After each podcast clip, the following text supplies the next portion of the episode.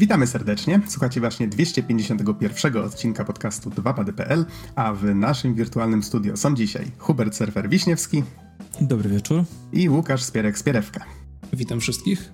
A mówi Adam Noxa 15 Dębski. Nagrywamy w czwartek 7 czerwca 2018 i to będzie odcinek, który no, w tej chwili my już się szykujemy na E3, ale domyślam się, że jak nasi słuchacze już e, jak, słuchacie tego odcinka, domyślam się, że E3 już trwają.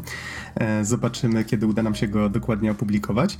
Niemniej planujemy, od razu zawczasu powiem, planujemy odcinek specjalny tradycyjnie, który będzie poświęcony w całości konferencjom na E3, ale to prawdopodobnie w, jakoś w weekend albo po weekendzie 15-17 e, czerwca jeszcze zobaczymy. Do tego tematu jeszcze będziemy wracać. Z kolei w tym odcinku skupimy się na dwóch recenzjach. Mamy też trochę pierwszych wrażeń, chociaż trochę mniej niż ostatnio. E, jeżeli chodzi o recenzję, to na okładce, okładkową grą jest Kingdom Come Deliverance, e, o której opowie wam Don. Natomiast jeszcze ja z Izim porozmawiamy troszeczkę o A Way Out. Ta recenzja trochę nam się przesunęła w czasie, ale cieszę się, że udało nam się w końcu e, i o tej grze więcej porozmawiać. Natomiast w pierwszych wrażeniach teraz y, Spierek z surferem poopowiadają troszeczkę o Nintendo Labo. Wspomnimy również o Bloodstained nie, nie, Ritual of the Night, tylko Curse of the Moon. Można się pomylić, ale wytłumaczę dlaczego za chwilę. I jeszcze o Detroit Become Human. W takim razie, panowie, Powiedzcie mi, o co chodzi z tym całym labo, bo tak patrzę, że premierę miało 20 kwietnia na świecie, w Europie 27. E, troszeczkę czasu już minęło. Nie jest to typowa gra, więc co to właściwie jest? Hmm. To jest taki, taka próba Nintendo zawładnięcia, mam wrażenie, rynkiem e, trochę podobnym do Lego. Znaczy wiadomo, że to nie do końca o to chodzi, ale naj, najbliższe czemu ja mogę to porównać to jest po prostu składanie klocków Lego. Mamy instrukcję, tylko tym razem w formie elektronicznej na, e, na naszym Switchu i podążając zgodnie z tą instrukcją, możemy tam sobie wszystko przyspieszać, spowalniać, cofać do przodu, e, bardziej wybiegać i tak dalej. W tych instrukcjach składamy sobie e, różne budowle z, z kartonu. E, I ja akurat miałem okazję bawić się Nintendo Labo Variety Kit, czyli jest to pięć różnych mm, obiektów do złożenia i są tam m.in. pianinko, jest wędka, jest taka kierownica do motocykla, jest domek taki ala Tamagotchi i tak dalej. I cała ta mm, gra, no gry są dosyć proste, więc może tego nawet bym grą nie nazywał. Całe to doświadczenie i cały e, ten proces składania ma na celu nauczenie dzieci tego, jak pewne rzeczy działają. Mamy tam e, bardzo takie zmyślne mm, technologie zastosowane, jak na przykład to, jak działa pianinko, że wszystko jest zrobione tylko z kartonu, a jakoś e, możemy na nim grać, czyli że tam kamera e, z Joy-Cona wychwytuje odpowiednio naklejone białe nalepki na klawiszach i kiedy naciskamy, no to zaczyna też na Switchu nam coś grać. E, więc jest to taka, taka fajna zabawka. Mm, no, wydaje mi się, że przeznaczona przede wszystkim dla młodszych dzieci, ale powiem szczerze, że my trochę dla żartu to kupiliśmy znajomemu na urodziny i tutaj pozdrawiamy i życzymy wszystkiego najlepszego dla Mkaliego. Ale bawiłem się przy tym naprawdę dobrze i, i złożyliśmy wszystko w jeden weekend i, jest to coś naprawdę fajnego. E, więc Spierek, co ty masz jeszcze do dodania na ten temat? Ja właśnie chciałem wspomnieć, że co prawda zaznaczyłeś, że jest to produkt targetowany przede wszystkim dla dzieci i mógłby sugerować właśnie pastelowe kolory całego urządzenia, e, jakże i aplikacji i właśnie takie e, przyjacielsko-rodzicielskie instrukcje w, w, samym programie. Natomiast e, jedyni ludzie, który, który, którzy widzą, że bawią się Nintendo Labo i kupią Nintendo Labo i ekscytują się Nintendo Labo, to dorośli. Więc o czym to świadczy? świadczy o tym, że fanów Nintendo, że, że fani Nintendo dobrnęli po prostu do pewnego wieku i to jest chyba liczna grupa. Znaczy, znaczy czat... Mhm. Mm, trzeba też zaznaczyć, że oprócz tych prostych gierek, które mamy do dyspozycji po jednej lub dwóch tam e, do każdego, e, każdej budowli z kartonu, mamy też e, właśnie taki, takie lekcje pokazujące to, jak coś działa i tak dalej. Ale mamy też bardzo taki e, prosty mm, język do programowania, więc możemy programować na różny sposób, na, na różne sposoby mm, elementy tego kartonu. Można też robić samemu różne elementy i wtedy dawać Switchowi polecenia, że no nie wiem, jeżeli kamera wykryje coś takiego, to ma się dziać e, na ekranie coś takiego. I więc jest wszystko e, z pozoru bardzo proste, ale jak się w to wejdzie głębiej, to jest naprawdę interesujące, ciekawe i e, no jak gdybym miał coś takiego jako dziecko, to na pewno byłbym tym bardzo zachwycony i bardzo to fajnie no też właśnie wspomaga takie myślenie przestrzenne, takie mm, właśnie różnego rodzaju no nie wiem, umiejętności, które dziecko też rozwija powiedzmy podczas e, składania klocków Lego czy tworzenia jakiejś budowli, ale jest to też tak, także o krok dalej, bo jest cały ten software, e, który jest dołączony do gry, który też jest całkiem ciekawy. Mhm, takie pytanie mi się nasuwa, bo jak rozumiem, ty surfer już dość długo się tym bawiłeś, ty Spierek jeszcze, jak sam żeś to określił przed nagrywaniem, wszystkich tych zestawów, tak, nie, nie obczaiłeś, więc przygotowujecie się do jakiejś takiej bogatszej recenzji, ale coś, o co chciałbym zapytać teraz, czy jak posiadamy już to labo, to czy możemy coś własnego stworzyć, czego zupełnie ten zestaw nie przewiduje? Jak dużo swobody twórczej to zostawia? O ile dobrze wiem, to tak, wiesz, widziałem jakieś e, różnego rodzaju cuda na YouTubie, właśnie jakieś e, dziwne budowle i tak dalej. Nie chcę tutaj też palnąć jakieś gafy, bo sam się tym akurat nie bawiłem. Aż tak głęboko w to nie wchodziłem, bo miałem na, na zabawę, że tak powiem, tylko weekend do tej pory i no i większość tego weekendu po prostu spędziliśmy na składaniu. E, swoją drogą trochę przy tym się schodzi. Te, e, te najprostsze budowle powiedzmy tam po około godzinę, dwie, no ale te, te trudniejsze to już ze trzy godziny spokojnie można e, spędzić na budowaniu tego wszystkiego. Więc wydaje mi się, że jak najbardziej można tam coś swojego stworzyć, bo Labo działa na bardzo prostych zasadach. Tak naprawdę no nie ma tutaj jakiejś wielkiej filozofii i na recenzję na pewno bardziej się przygotuję w tej kwestii i pobawię się też właśnie tym mm, powiedzmy takim e, softwarem do, do programowania e, tych zabawek i wtedy, wtedy opowiem troszeczkę więcej jak to wygląda. No na ten moment to, co my zrobiliśmy, to było przede wszystkim składanie tego i e, bawienie się tymi grami, które są dołączone, a są też naprawdę fajne. Mm, bardzo fajna jest wędka, yy, która jest no naprawdę ciekawie zbudowana, łącznie z tym, że ona wydaje yy, podczas yy, rozwijania i zwijania wydaje dźwięki, takie jak naprawdę wydaje wędka i naprawdę to dochodzi z pudełka kartonowego, które trzymamy w ręku. Jest to zrobione na takiej zasadzie, że jest po prostu taki języczek z kartonu, który jest uderzany przez nasz ruch korbą i to powoduje, że jest taki dźwięk, jakbyśmy mieli prawdziwą wędkę, więc tam są takie, e, takie bardzo proste,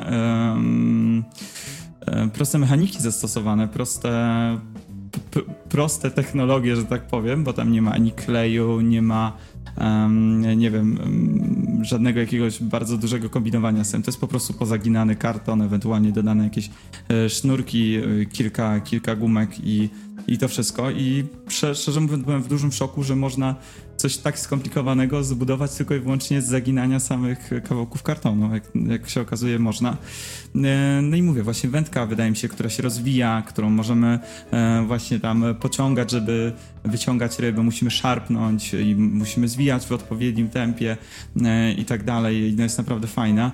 Albo domek, do którego mamy dołączone takie trzy przyciski. Domek ma trzy dziury, ma jedną na dole i po jednej z każdej ze stron i w zależności od tego, jak, w jakich konfiguracjach e, wsadzimy te przyciski, e, różne rzeczy się będą działy. I to też nie są do końca tylko przyciski. Jest jeden przycisk, który swoją drogą też tak bardzo fajnie odbija. Jest też właśnie ten karton tak pozawijany, że e, ten przycisk wraca do swojej pozycji. Jest taka korbka i jest coś jeszcze. Akurat teraz nie mam. Nie mam pod ręką tych przycisków niestety ale jest jeszcze coś. E, i właśnie w zależności od tego, jaką, w jaką konfigurację to połączymy, na którą ścianę co włożymy, czy, e, czy, czy których przycisków użyjemy, różne rzeczy się będą działy, więc nie wiem, możemy odkręcić, żeby na przykład woda się pojawiała na ekraniku Switcha, e, który jest mm, wsadzony w ten domek, tak? E, możemy zrobić tak, żeby tworzyć jakiś wiatr, możemy tym potrząsać na różne sposoby, mamy różne minigierki, e, więc no jest tego naprawdę, naprawdę bardzo dużo, jest to bardzo fajnie zrobione.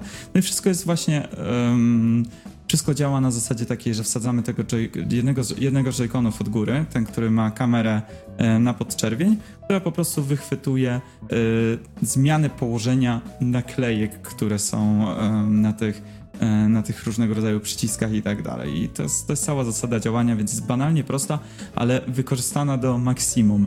I swoją drogą jeszcze tylko dokończę ze swojej strony, że na przykład w przypadku motocykla E, tej kierownicy, którą możemy się bawić, mamy na przykład możliwość tworzenia własnych tras, po których możemy później tym motocyklem jeździć i jest możliwość zeskanowania swoich własnych obiektów przy pomocy J-Cona, czyli możemy zeskanować sobie twarz albo zeskanować sobie mm, dłoń i po prostu po niej jeździć, później się ścigać, więc y, jest no, no, naprawdę, naprawdę fajnie to wykorzystane i wydaje mi się, że jest to naprawdę ciekawa E, rzecz, e, no nie tylko dla dziecka, bo e, ja sam na przykład nie wiedziałem, że, że Joy-Con ma kamerę. Jest też możliwość podglądu, jak ten Joy-Con wygląda w środku i tak dalej, i tak dalej, więc no jest to coś fajnego. Mhm. Właśnie jak tak o tym opowiadasz, to cały czas, jak z reguły mówimy o jakichś grach, to już mamy na tyle doświadczenia w grach wideo, że potrafimy sobie to wyobrazić. A jak opowiadasz o tym Nintendo Labo, to wydaje się to trochę taka czarna magia, mimo że to zwykły karton i, i Switch. Um, tak, no właściwie to e, wszyscy jak tutaj siedzieliśmy, byliśmy zdumieni, że tak e, niesamowicie działające rzeczy można stworzyć z samego kartonu i też e, jak patrzyłem na to, jak, jak to wygląda, wiesz, na filmikach różnego rodzaju i tak dalej, mówię, no przecież to użyjesz dwa razy i to już nie będzie działać, nie ma takiej możliwości. E, w sensie, że to jest tylko karton, który, który jakoś się tam pozagina, który e, jakoś się tam pokrzywi i że nie ma możliwości, żeby to działało jak należy. A każda konstrukcja, może jedynie poza pianinkiem, które jest takie dosyć luźne, każda konstrukcja jest naprawdę solidnie wykonana i możesz naprawdę dawać z siebie wiele używając tego, czy na przykład właśnie tam e, szarpiąc tą, tą wędką, czy, czy bardzo mocno odkręcając manetką e, kierownicy motocykla e, i raczej się nic nie powinno stać, a jeżeli się stanie, Nintendo dało na swojej stronie możliwość ściągnięcia e, wszystkich projektów, więc możesz po prostu iść do jakiejś firmy, żeby ci e, wydrukowali na kartonie, odpowiednio tam właśnie zrobili wycięcia i tak dalej i możesz sobie to wszystko złożyć od nowa, więc e, nie jest to wielka strata. Akurat użycie tutaj kartonu, który e, z jednej strony niby jest delikatny, ale z drugiej strony można go łatwo zastąpić, jeżeli nawet, nie wiem, popełnisz jakiś błąd przy składaniu, no jest, jest fajnym rozwiązaniem i no i wydaje mi się, że to naprawdę działa. Mhm, to taka mini recenzja właściwie z tego wyszła, ale do tematu wrócimy.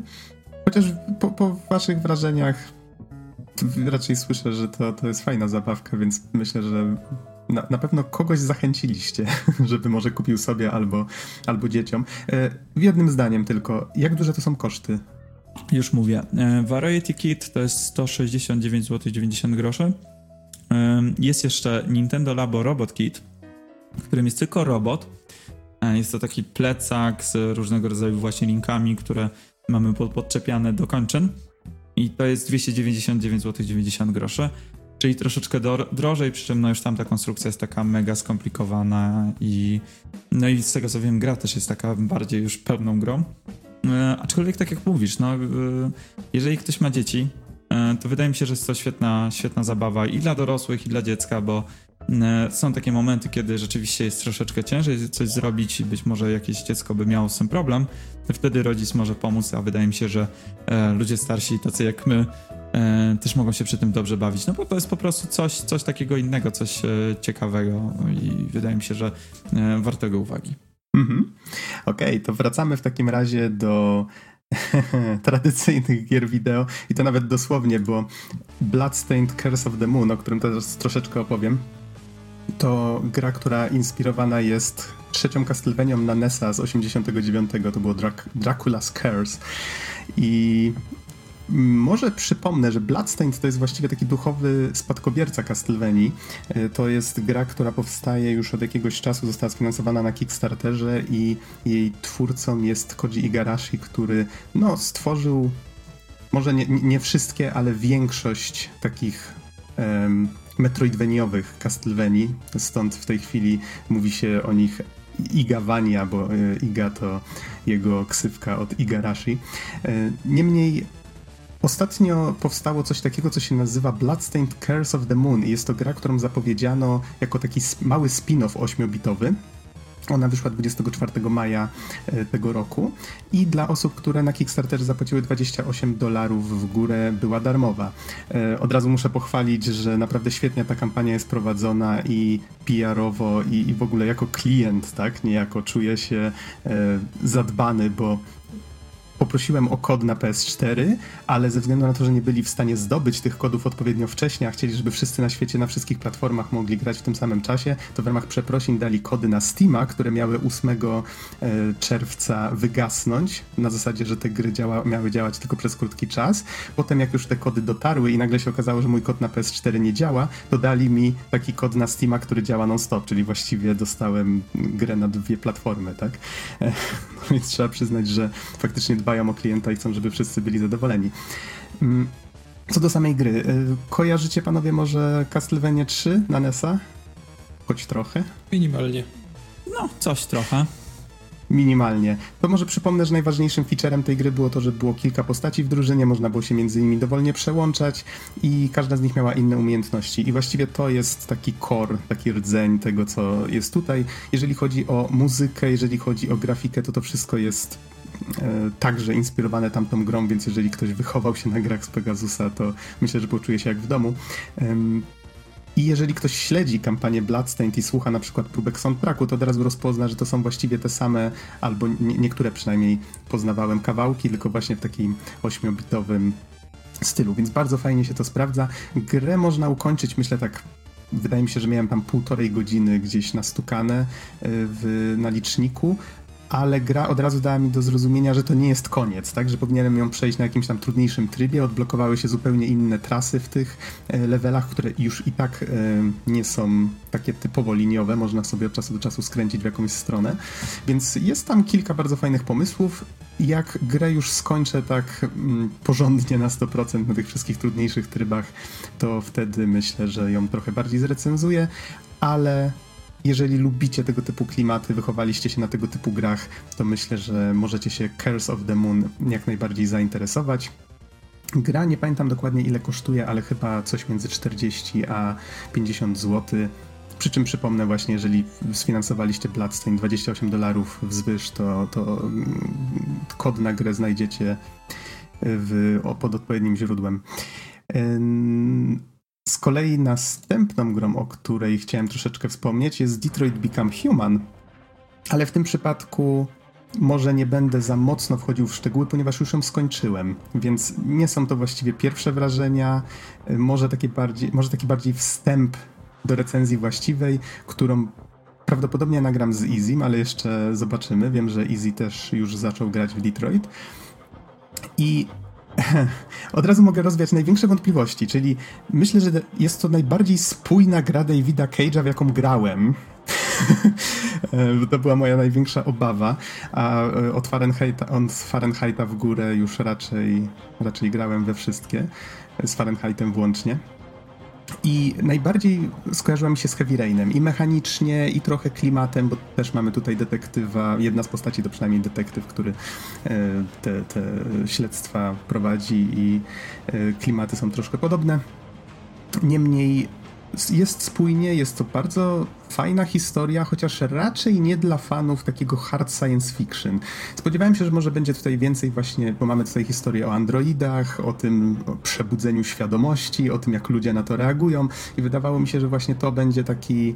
Um, taki rdzeń, że wokół tego ta historia będzie się kręcić i że trochę więcej science fiction będzie w to wepchnięte. Tymczasem dostaliśmy tutaj historię, która bardziej skupia się na bardziej skupia się na dyskryminacji, na wzajemnym niezrozumieniu, na niewolnictwie i jakby następstwach próby mm, walki o własne prawa.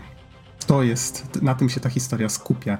I to niekoniecznie musi być zła rzecz, ale domyślam się, że y, nie wszyscy prawdopodobnie oczekują tego po tej historii, no bo widzimy androidy, automatycznie bardziej myślimy w kategoriach właśnie takiego science fiction. Więc wydaje mi się, że to po prostu zależy, kto jakie ma oczekiwania. To, co nam zaserwowano, nie jest złe. Muszę przyznać, że bawiłem się całkiem nieźle. Parę rzeczy bym poprawił, ale ogólnie rzecz biorąc. E, jak długa jest gra? Ile ci zajęło przejście? U, tu ciężko mi powiedzieć, bo nie było żadnego licznika. Ale jeżeli miałbym zgadywać, to było na pewno więcej niż 10 godzin.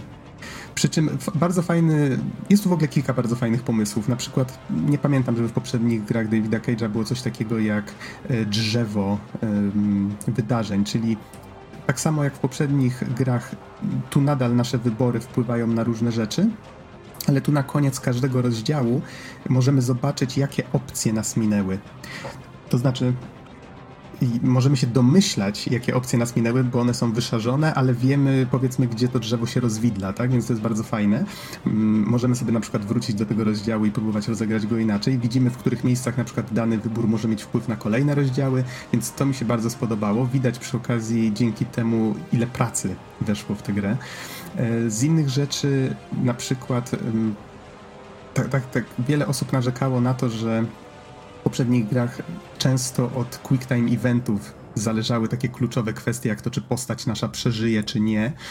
I um, co miało wpływ na to, jak historia się dalej potoczy, bo jak mamy kilka postaci, tak, no to powiedzmy, że fabuła może się obejść bez jednej czy dwóch. Um, z tego co pamiętam, Heavy Raina w ogóle dało się skończyć zabijając wszystkich, więc, więc to, to zależy właśnie, jak się do tego podejdzie. Tutaj jest tryb casualowy, który ponoć trochę to łagodzi, czyli jest mniej szans na to, że, po, że stracimy postać, quick time eventy są trochę prostsze. E, więc to też jest bardzo fajny pomysł. No i właściwie to tyle, ile jestem w stanie tak z głowy teraz powiedzieć. Chyba najważniejsze z tego wszystkiego jest to, że bawiłem się po prostu dobrze i wydaje mi się, że jeżeli ktoś z obawami, do, jak podchodził do Detroit, to tutaj raczej może być spokojny. Tylko tak jak mówię, nie jest to hard science fiction, więc to, to jest trochę historia innego, innego rodzaju. Ma swoje wady, ale jest ok. No i jeszcze taką większą recenzję przygotuję razem z Izim trochę później. Po to mamy właśnie pierwsze wrażenia, żeby wcześniej opowiedzieć wam o, o nowszych grach. A propos tego, y, może powiem od razu, y, Detroit wyszło 25 maja i jest to ekskluzyw na PS4.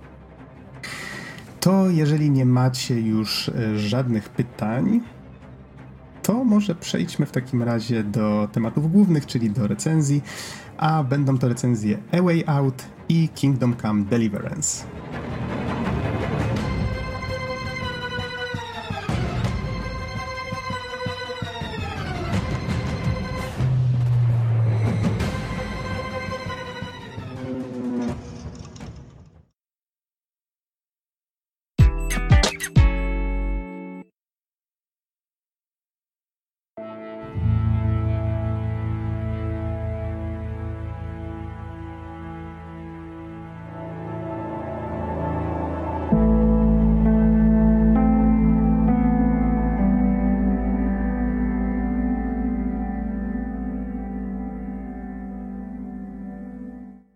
Wirtualnym studiu jest teraz ze mną Marcin Easy Kołodziej.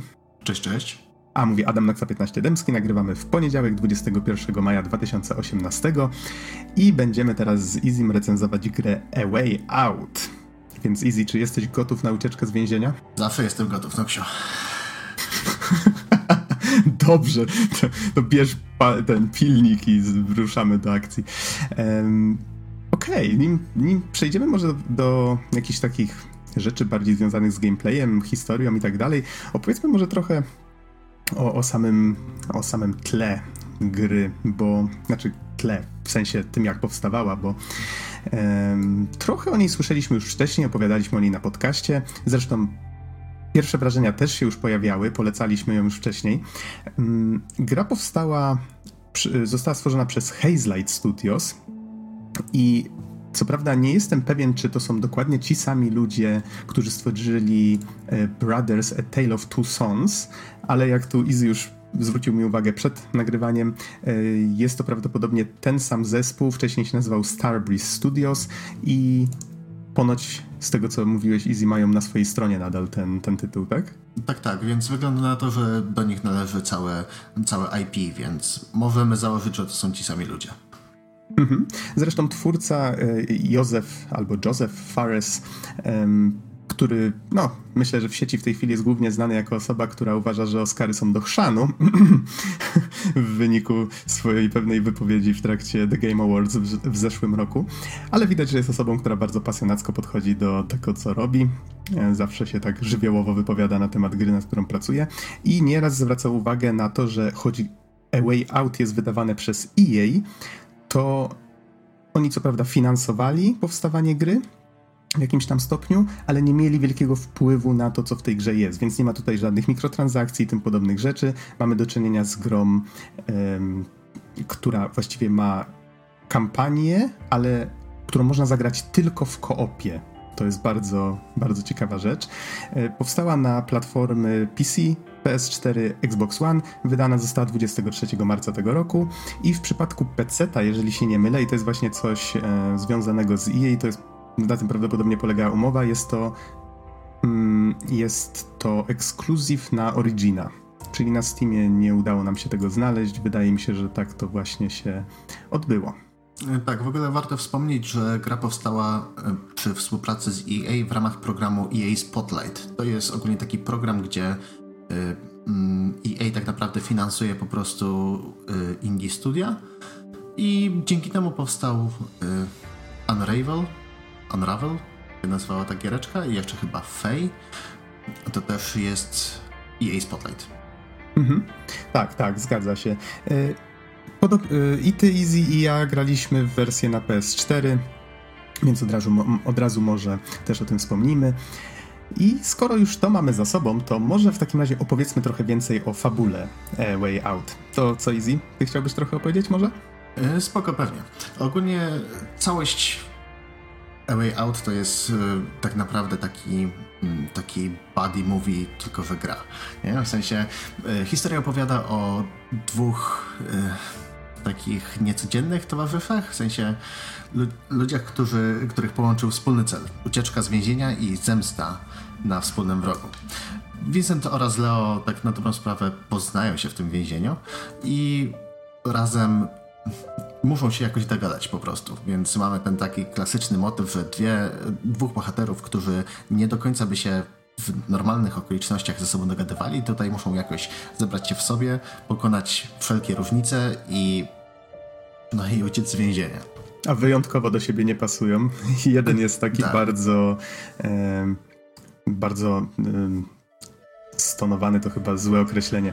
Jeden po prostu jest takim stoikiem, prawda? O, tak, dokładnie. Vincent jest zawsze opanowany, logicznie myślący i zawsze musi mieć plan. A Leo jest porywczy, można by powiedzieć miejscami nawet, że głupi, nie? I tak, taki strasznie żywiołowy. Więc to też nadaje takiej bardzo fajnej dynamiki między bohaterami. Tak, i bardzo fajnie, bo gra na początku jak wybieramy sobie postać, mamy do, mm, do dyspozycji takie niewielkie życiorysy, żeby każdy z graczy mógł sobie przeczytać i podjąć decyzję, kim chce grać. E, kim grałeś, tak swoją drogą? Ja Vincentem. No. Ja też. O, to tak trochę, trochę żeśmy się nie zgrali, ale e, taka ciekawostka, bo wspominaliśmy już wcześniej, że Surfer też grał w grę. Każdy z nas, ale akurat nie, nie mógł wziąć z nami udziału w recenzji, zresztą z tego co mi wiadomo chyba nadal nie, nie skończył. Chyba nie. Mm, każdy z nas grał z osobą spoza redakcji podcastu, więc to też taki, taka ciekawostka. Z zupełnie różnymi ludźmi, różne charaktery. Myślę, że to, co jest w tej grze fajnego, to właśnie to, że w zależności od tego, z kim gracie, to będziecie się inaczej bawić. Ale może mm, może warto tutaj wspomnieć o czymś takim, że nie da, nie da się w tej grze grać samemu, czyli koniecznie trzeba grać w koopie. Nie można również z żadną losową osobą z sieci grać, to musi być ktoś z waszej listy znajomych. I to już od razu rodzi pytanie, no okej, okay, ale to w takim razie no, kupię tę grę i, i, co wtedy? Kolega też musiał kupować i tutaj twórcom naprawdę należy się medal. Jeżeli kupujecie grę, automatycznie dostajecie drugą kopię gratis, yy, albo nie, inaczej, to, to nie działa w ten sposób. To działa w ten sposób, że druga osoba może ściągnąć demko z sieci i wtedy wytworzycie sesję, ta osoba, która ma demko, łączy się z waszą sesją i w ten sposób gra normalnie, tak jakby miała pełną wersję. Więc to jest bardzo, bardzo fajnie przemyślane i tak jak wspomniałem, no, twórcom się należą brawa za to. No więcej gier, naprawdę, więcej gier takiego typu by się przydało. Wystarczy nam jedna kopia i możemy sobie spokojnie pograć. Y, a tak swoją drogą ja jeszcze chciałem nawiązać do Brothers A Tale of Two Sons, dlatego, bo y, ponieważ tak jak tutaj mamy do, do czynienia z grą kooperacyjną, gdzie musimy, gdzie mamy dwóch graczy, którzy muszą ze sobą współpracować, y, Wydaje mi się, że Hazelight Studios właśnie coś ma z tymi, y, z tym takim nietypowym multiplayerem. multiplayerem. Brothers A Tale of Two Sons polegało na tym, że jeden gracz musiał sterować naraz dwoma postaciami. I właśnie wydaje mi się, że to mogą być twórcy, którzy będą próbowali Y, właśnie rozwinąć tą ideę, ideę multiplayera zarówno na płaszczyźnie samej, samych graczy, jak i postaci, którymi, którymi sterujemy. Mhm. A tutaj, skoro już mówimy o tej współpracy, no akurat w Brothers, tak jak wspomniałeś, to był single player typowy, tutaj gramy koniecznie ze znajomym i ta komunikacja głosowa jest, od razu warto to podkreślić, niezbędna. Więc musicie mieć mikrofon, Najlepiej też, jeżeli gracie po sieci, słuchawki, żeby faktycznie nie, nie, nie rzucać echem po, e, po głośnikach znajomego. I no to trochę utrudnia. Faktycznie setup, rozpoczęcie jakby gry zajęło mi z kolegą trochę czasu, bo musieliśmy sobie te wszystkie kable tam poprzestawiać, popodłączać to wszystko. I jak już się udało, to okazało się, że serwery głosowe, z którymi łączy się gra, nie są najlepsze. To znaczy, okej, okay, przemogłem się z kolegą, bo miałem nadzieję, że może twórcy z tymi serwerami tam coś będą próbowali, nie wiem, eksperymentować w jakiś sposób. E, na przykład, jeżeli odejdziemy mm, daleko od siebie, to być może te, będzie nas gorzej słychać, czy coś takiego, ale nie zauważyłem, żeby eksperymentowali akurat z tym. E, natomiast bardzo często były jakieś trzaski, czasami zdarzało się, że w ogóle mm, ten robotyczny głos, który się czasem pojawia, jak połączenie jest słabe, no, bardzo nam przeszkadzał. Więc jak już z kolegą drugi raz podchodziłem do gry, to wtedy przełączyliśmy się na PS4 na takie zwykłe party, czyli właściwie taki dostarczany przez Sony um, czat głosowy i wtedy nie było najmniejszych problemów, tak? Wydaje mi się, że w przypadku, jak gracie na przykład na PC, no to warto pomyśleć o graniu chociażby przez Discorda, czy, czy Skype'a, czy cokolwiek innego. Nie wiem, Easy, ty jakie miałeś um, doświadczenia z tym? Wiesz co, szczerze mówiąc, nawet nie przyszło mi do głowy, żeby po prostu zostać na tym domyślnym czacie głosowym. Z automatu wzięliśmy, rozpoczęliśmy grę już będąc w party PSN-owym i tam nie mieliśmy żadnych problemów, jeżeli chodzi o komunikację, a jeszcze kończyliśmy grę już na żywo lokalnie. Bo tutaj nie wiem, czy wspomniałeś, że lokalnie też możemy spokojnie pograć na jednym, y, na jednym ekranie. I tutaj co jest ważne, że nawet jeżeli gramy online, to wtedy widzimy dalej, co robi drugi gracz. Dalej mamy ekran podzielony, jest taki pełny split screen i no i po prostu oglądamy to jak, jak, tak, jak serial, w sensie mi to przywodzi na myśl y, 24 godziny, że mamy podzielony ekran, coś tutaj się dzieje, coś tam się dzieje.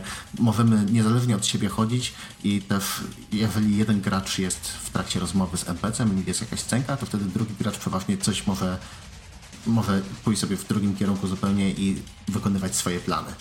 Tak, czyli gra wygląda identycznie, niezależnie od tego, czy gracie po sieci, czy gracie lokalnie z kolegą na kanapie. To jest bardzo fajne. E, zresztą. Zresztą to też taka sytuacja łącząca się jednocześnie z tą komunikacją głosową, czyli ekran jest na przykład przedzielony, jeden, e, jedna osoba jest w swojej celi, druga jest w swojej i na przykład jedna coś tam robi, a druga w tym czasie obserwuje, co robią strażnicy i mówi, znaczy musimy się komunikować z drugim graczem, mimo że on widzi to na ekranie, co się dzieje, ale jest na tyle pochłonięty swoim zajęciem, że prawdopodobnie nie zauważy nadchodzącego strażnika i musimy mu mówić, że hej, słuchaj, tam ten, ten z lewej zaraz tam będzie, nie? Masz kilka sekund. No to, o, to, to dobra, dobra i, i się zwija z tym, co robił i hm, okej, okay, nic się nie dzieje, tak, już idę spać. Tego typu sytuacje, więc jest to bardzo fajne, twórcy bawią się tą konwencją. Zresztą w grze dzieje się dużo różnych fajnych rzeczy. E, właściwie momentami to przypomina taką, taki film akcji, trochę też kino przygodowe w niektórych przypadkach, więc y, jest tu dużo nawiązań do takich filmów z lat 80., 90. Tutaj staraliśmy się zrobić jakąś niewielką burzę mózgów, ale wydaje mi się, że tych nawiązań jest dużo więcej niż. E, dużo więcej niż udało nam się wyłapać. No tutaj ścigany chociażby, czy człowiek z blizną.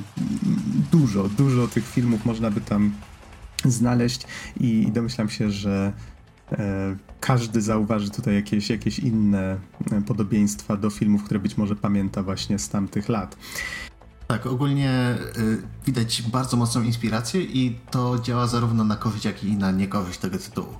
Dlatego, bo z jednej strony czujemy się tak dosyć pewnie i po prostu mm, wiemy czego oczekiwać i no to jest napisane jak naprawdę fajny film akcji, nie? że cały czas coś się dzieje, cały czas są jakieś, jakieś, jakieś pomysły, coś próbują robić, nie?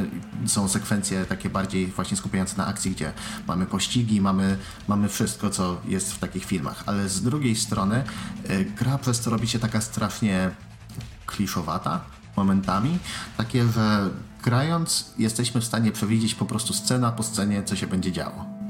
I Oczywiście mówię tutaj, jakby to było coś strasznie złego i rzeczywiście to może niektórym graczom przeszkadzać. Ja się bawiłem dobrze i nie przeszkadza mi to aż tak, mimo tego, że dosłownie jak, jak gadaliśmy na tym czacie, czacie głosowym, to wtedy było o, a teraz będzie to, a teraz będzie to, a teraz się okaże, że to i to i tamten tego. O tak, dokładnie.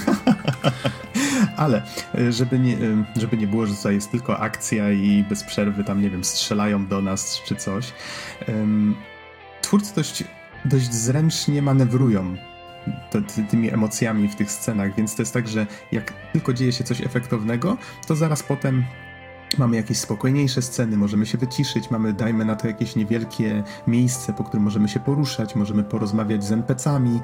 Mm, I Jedyny minus, chociaż minus to może, może za duże słowo, to jest bardziej taka specyfika tego, w jaki sposób ta gra działa z tym podzielonym ekranem. E, zresztą on jest podzielony w różny sposób, to nie jest tak, że on jest po prostu pionowa kreska. On, bardzo często to są jakieś okienka albo jakieś właśnie mniejsze, większe fragmenty. Ta część ekranu, którą zajmuje drugi gracz potrafi się zmniejszać, zwiększać, więc jest to bardzo fajnie zrobione. Niemniej wracając do tematu NPC-ów, jeżeli jeden gracz zacznie rozmowę z NPC-em, to wtedy drugi, jeżeli dajmy na to przypadkiem uaktywni interakcję z jakimś przedmiotem i jego bohater zacznie coś mówić, albo też zacznie drugą rozmowę, to te dwie rozmowy toczą się jednocześnie. I wtedy gwarantuję wam, że ani jeden, ani drugi nic nie zrozumie, nawet jeżeli są napisy. E, więc no, no tak. Przyznam szczerze, że z kolegą bardzo szybko umówiliśmy się, że okej, okay, zależy nam na tym, żeby zobaczyć wszystko, co w tej grze jest do zobaczenia. Zajęło nam to jakieś 7 godzin, a rozmawialiśmy z każdym NPC-em, rozmawialiśmy z każdym NPC-em, każdą postacią, bo te dialogi wtedy wyglądają inaczej. Jeszcze do tego czasami możemy wybrać jakąś jedną z dwóch opcji dialogowych, dajmy na to. Są to dość zabawne rozmowy, bardzo fajne. Mm, no i faktycznie te, te takie momenty wyciszenia, w których było też troszeczkę śmiechu, te takie przerwy między akcją, myślę, że zostały w tej grze bardzo fajnie zrealizowane. Tak, tym bardziej, twórcy mieli cały czas pomysł, co, co wrzucić właśnie w tych takich przestojach, gdzie się niewiele dzieje. E, w sensie jest masa minigierek i oczywiście możemy konkurować ze sobą postaciami, kto na przykład więcej, lepszy wynik w rzutkach uzyska i wtedy tam dogadują sobie i śmieją się z siebie nawzajem. To jest mm, taki bardzo przyjemny element, powiedziałbym, nie? bo zarówno, zarówno między graczami może dojść, do rywalizacji i jest ona odzwierciedlona e, tekstami samych bohaterów. Mhm, tak, tak, zgadza się. E, a jeszcze coś chciałem wtrącić odnośnie tego dzielenia ekranu. To y, oczywiście tutaj jak najbardziej odsyłam do y, serialu 24 godziny, bo tam rzeczywiście non-stop było dzielenie ekranu. I tutaj gra, w sensie A Way Out, wykorzystuje też y, takie techniki, które nie są możliwe w, w, filmach, prawda? Dlatego, bo zamiast dzielić ekran tradycyjnie, to mamy jest sekwencja, gdzie y, cały czas akcja przełącza się między jednym i drugim bohaterem. O, wiem, wiem o którym momencie mówisz, jest genialnie zrobiony. Tak, i właśnie, żeby zachować tak jakby ciągłość akcji, kamera przechodzi przez ściany albo przez podłogę i pokazuje, i cały czas cała ta scena, cała ta sekwencja jest płynnie, bez cięć. I to jest tak dobrze zrobione. Tego nie zobaczymy w żadnym filmie, bo to by było bardzo ciężkie do zrobienia, a tutaj jest no jest, jest rewelacyjne, grajcie. I to jeszcze jest tak zrobione, że jak gramy właśnie, jak graliśmy z kolegą po sieci, to um, najpierw on ma kontrolę, potem ja mam kontrolę, on ma kontrolę, ja mam kontrolę i za każdym razem jak ja nie miałem kontroli, to tak, tak odruchowo kurczę, okej, okay, udało ci się, świetnie, tak, tak, teraz, teraz zrób to, tak? tak? Nawet nie mówiłem tego na głos, ale dopingowałem mu, żeby wszystko poszło dobrze, żeby cały ten, cała ta płynna sekwencja poszła właśnie bez, bez zarzutu. E, tak mi się przypomniało jeszcze, z takich minusów może, e, też właściwie wynikających ze specyfiki tego, jak ta gra działa, to to, że nie ma tutaj pauzy. To znaczy, to jest trochę dziwne, bo oczywiście jak jeden gracz zapauzuje, no to pauza u drugiego być może byłaby trochę niewskazana, ale nawet jak obie osoby zapauzują, gra nadal się nie pauzuje. Więc jedynym wyjściem teoretycznie jest wyjście do menu, a potem trzeba zakładać sesję ponownie i tak dalej. Więc hmm, no tutaj trochę można, e, tutaj można trochę kręcić nosem. Przy czym, no właśnie, taka mała rada ode mnie. Wydaje mi się, że no 7 godzin to dużo, przyznaję, ale jeżeli ktoś jest wprawionym w bojach graczem, to da radę. Udało mi się z kolegą przejść tę grę na raz. Usiedliśmy do niej faktycznie wieczorem, skończyliśmy gdzieś w środku nocy, ale byliśmy byliśmy usatysfakcjonowani z takiego podejścia do niej. Myślę, że można też ją sobie podzielić na dwie czy trzy sesje. Nie jest jakoś szczególnie długa. No tutaj z tego co rozmawiałem z Izim, to mówiłeś Izzy, że 5 godzin ci zajęła, tak? Tak, plus minus, chociaż to wydaje mi się, że mogło być trochę mniej. Ciężko, ciężko oszacować, ale yy, my to rozbiliśmy chyba na trzy sesje, z tego co pamiętam.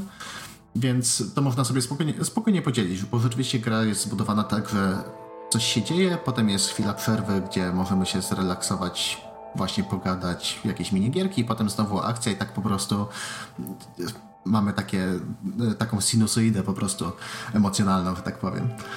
Mhm, tak, przy czym, ym, przy czym właśnie wydaje mi się też, że twórcy starali się tu zrobić taki pewien fajny, narracyjny eksperyment, o którym oczywiście za dużo nie możemy powiedzieć.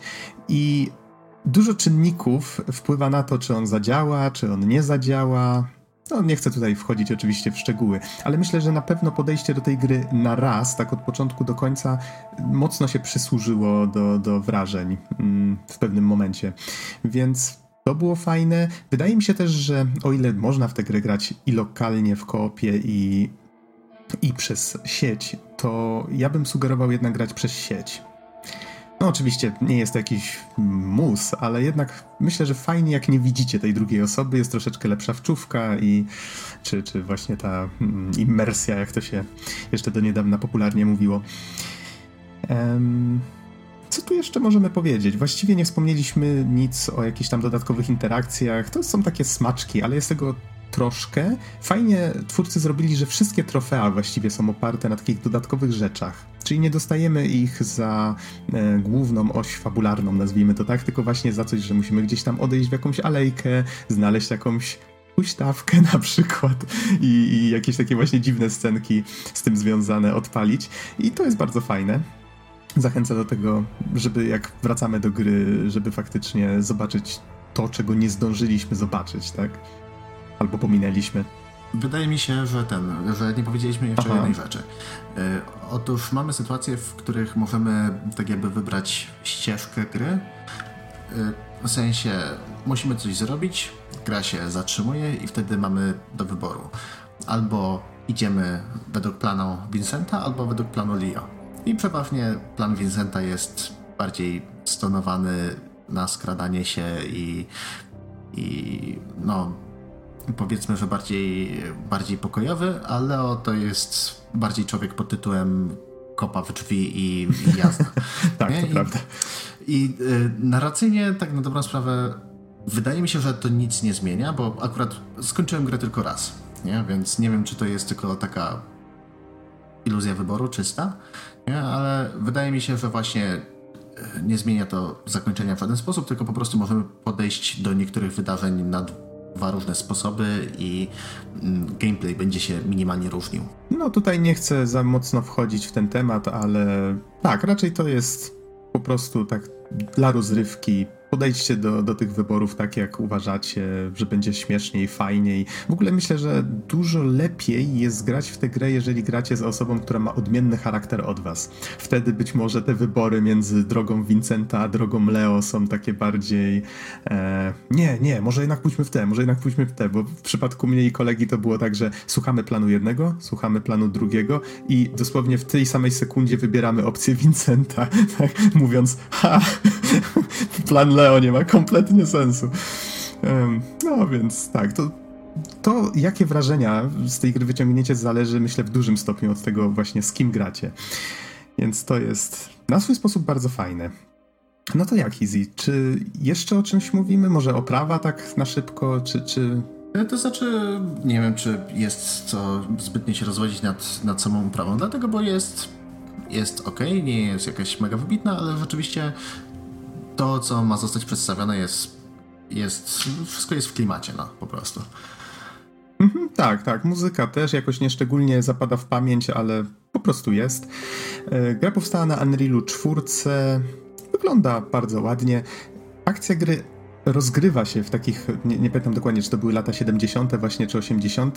Trochę długo zajęło nam zdanie sobie z tego sprawy, więc nie jestem pewien, czy to było zamierzone, żeby grać tak nie do końca to widział, czy, czy nie, ale nie, niemniej nie było to coś dla nas oczywistego od samego początku. Dopiero później e, żeśmy się domyślili. I może faktycznie twórcy mogli to trochę lepiej oddać właśnie w oprawie czy, czy, czy w asetach.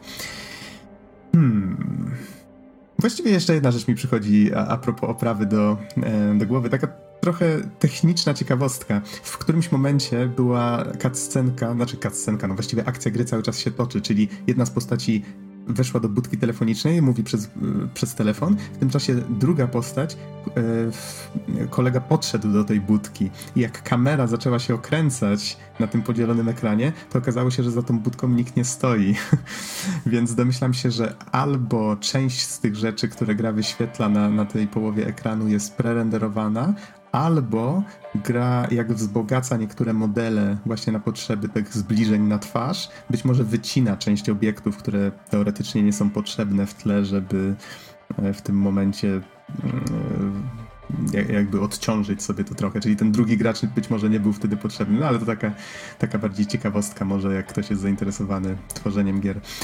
E, właśnie, mam jeszcze jedno pytanie. Mm -hmm. Na której wersji PlayStation 4 grałeś? Na Pro. A, okej, okay, dobra. To w takim razie nasze wrażenia się nie będą różnić. Aha, czy, znaczy też grałeś na Pro? Tak, tak, też Dobra, rozumiem. Chociaż, czekaj, nie. Y, finał graliśmy na zwykłej. A, domyślam się, że to nie, nie były jakieś zauważalne różnice. To znaczy zdarzyły się jakieś tam pojedyncze frame dropy, ale nic takiego, co by, co by przeszkadzało w odbiorze gry. Mhm. Okej. Okay. No dobrze, w takim razie easy. Podsumowanie, myśl końcowa? Y, jeżeli szukacie jakiejś takiej lekkiej, zabawnej, y, całkiem nieźle poprowadzonej y, fabularnie gry, żeby spędzić przy niej weekend, może jakieś 2-3 wieczory razem ze znajomym, albo, i, albo lokalnie, albo online, nie, no to spokojnie możecie chwycić za A Way Out, dlatego, bo pomimo tego, że to jest trochę klisza, mimo tego, że no, gra, która ma swoje problemy, to jednak widać, że wpompowano w nią dużo miłości i Naprawdę jest to bardzo, bardzo przyjemny tytuł, który można sobie ograć. Na pewno, mm, jeżeli nie macie z kim grać, to, to niestety stanowi problem, ale myślę, że e, w naszej Cebulandii, że tak powiem, jak się dogadacie ze znajomym i podzielicie koszty przez pół, to spokojnie możecie się dogadać. Mhm. Tak, zwłaszcza, że gra już na samą premierę kosztowała bodajże 120 czy 125 zł, więc no, była to bardzo przystępna oferta.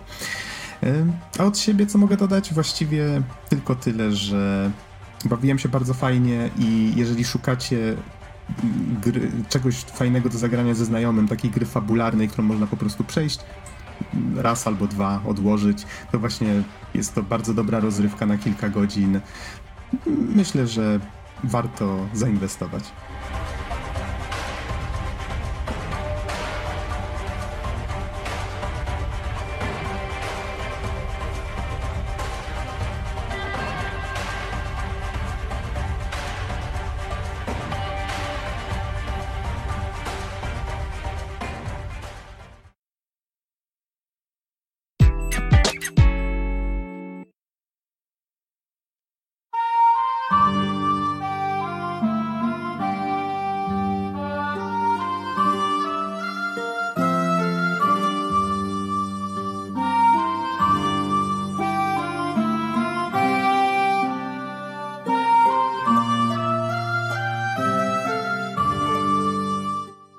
Wirtualnym studio jest teraz ze mną Bartłomiej Donsot-Tomycyk.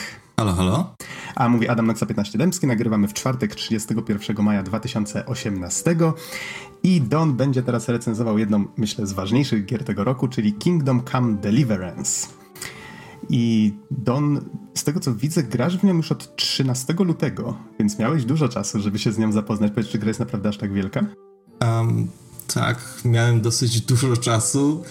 E, inaczej, miałem dużo dni na to, żeby się z nią zapoznać. Czasu nie aż tak dużo, natomiast no, myślę, że mm, prosta dana statystyczna wiele powie. E, moja rozgrywka trwała ponad 50 godzin, a myślę, że jeszcze to i owo mógłbym zrobić. Mhm. Okej, okej. Okay. Ale to w takim razie jeszcze do takich szczegółów będziemy przechodzić dalej. Trochę upał daje się we znaki. My tu po, przy pozamykanych oknach e, nagrywamy. Dobrze, że nie w pełnych zbrojach płytowych. To by pasowało do klimatu. A przechodząc może do danych encyklopedycznych. Gra została stworzona przez Warhorse Studios, została wydana przez Deep Silver. Już wspomniałem, kiedy została wydana, 13 luty. A można w nią zagrać na PC, PlayStation 4 i Xboxie One. I jeżeli kogoś to jeszcze interesuje, powstała na CryEngine. Dokładnie. Dość ciekawy ja wybór. akurat y, kupiłem wersję na komputer osobisty i nabyłem kolekcjonerkę, więc też tradycyjnie powiem kilka słów o figurce, która do gry została dołączona. Ale zaczynając od y, podstaw, y, przede wszystkim Kingdom Come to jest gra role-playing o otwartym świecie i jakby żeby streścić tę grę najbardziej jak tylko się da, to tak naprawdę jest to taka jedna wielka kreacja obrazu fragmentu Czech z początku XV wieku, konkretnie z 1403 roku. I ta cała kreacja, dosyć złożona i skomplikowana, ona jest odsłaniana poprzez historię fikcyjnego bohatera. E, natomiast, no właśnie, to, co jest dosyć istotne w tej grze, to próba zachowania realizmu historycznego i próba jak największego wykorzystania autentycznych elementów, miejsc, wydarzeń itd., tak itd. Tak Więc tutaj jest to dosyć ambitny projekt już w samych założeniach, bo jak dobrze wiemy, gry nie zawsze lubią realizm, a z autentyzmem to jest różnie, bo przecież różne wydarzenia e, historyczne są przedstawiane w grach, ale ten realizm czasem jest naciągany, żeby po prostu grało się fajnie. Czyli nie ma tu nawet jednego malutkiego smoka? No, no niestety, nawet jednego malutkiego. Twórcy zarzekają się, że no nie ma magii, nie ma androidów, nie ma półnagich czarodziejek, smoków. No niestety, ale myślę, że jest, um, że jedna rzecz jest tutaj dosyć istotna. Twórcy mówią nam, że w zamian mają dla nas coś lepszego. I teraz postaramy się odkryć, co właściwie to jest, czym to jest. No ale żeby opowiedzieć historię gry, najpierw musimy oczywiście usiąść w stłoczonej tawernie przy kuflu piwa, który naturalnie piwo w ogóle z XV wieku w ogóle nie przypomina smakiem e, współczesnego. E, no ale, ale trzeba przy tym piwie zacząć gawędę. No, od czego tu zacząć, jak nie od tego, że dawno, dawno temu żył król, nie kto inny. Karol IV no i oczywiście król, ale także jednocześnie cesarz świętego cesarstwa rzymskiego.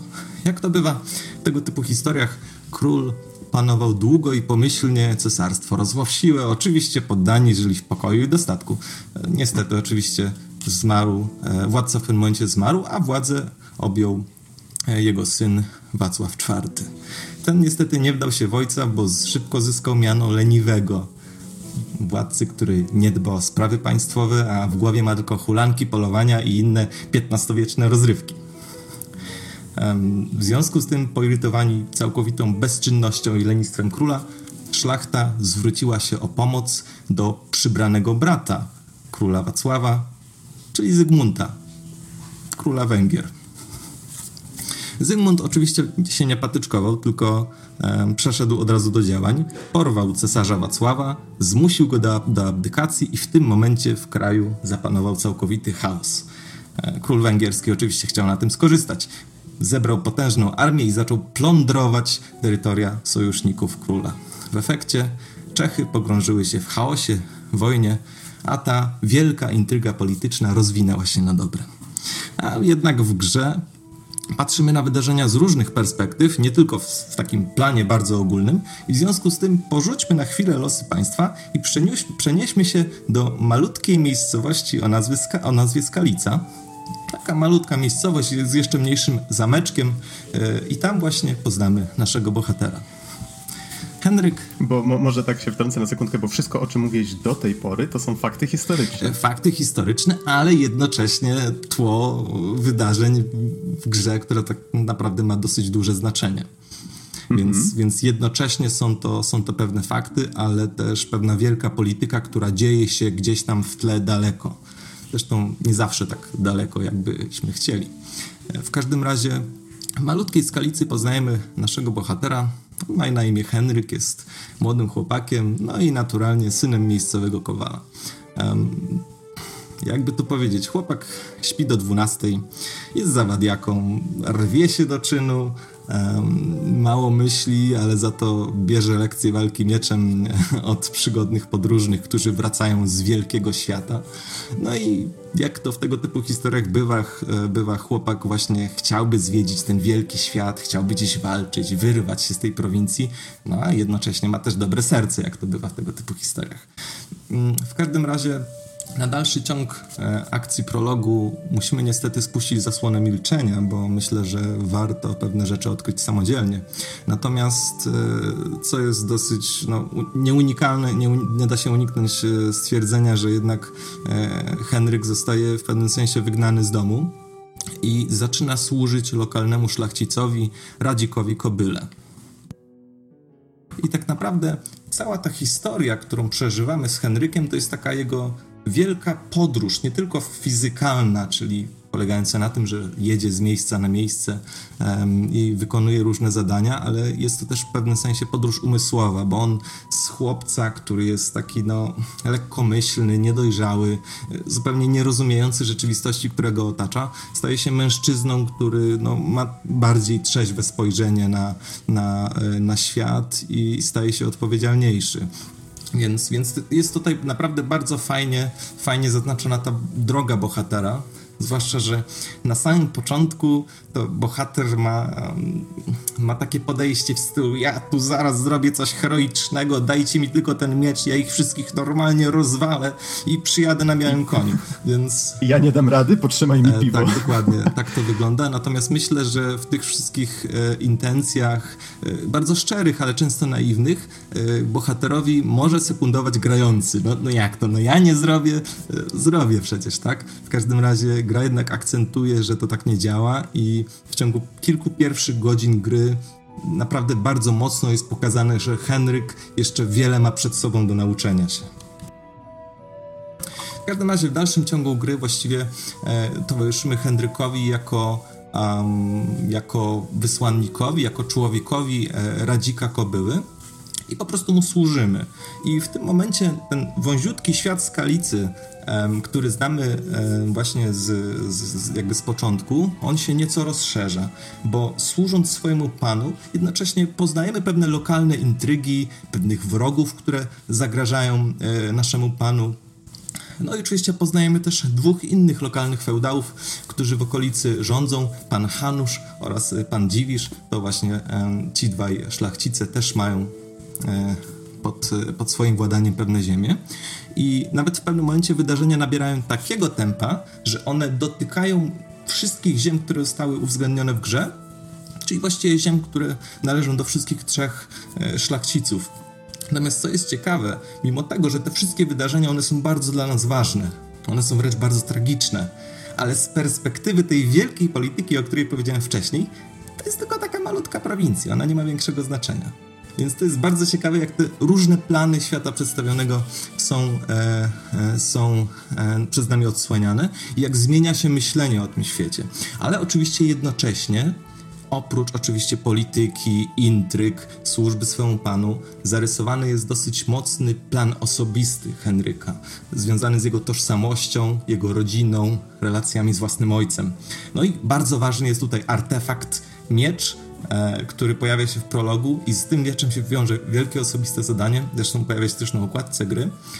Nie będę tutaj może zdradzać więcej o co chodzi, ale to jest właśnie też jeden z takich filarów tego, co jest tak naprawdę celem naszego bohatera.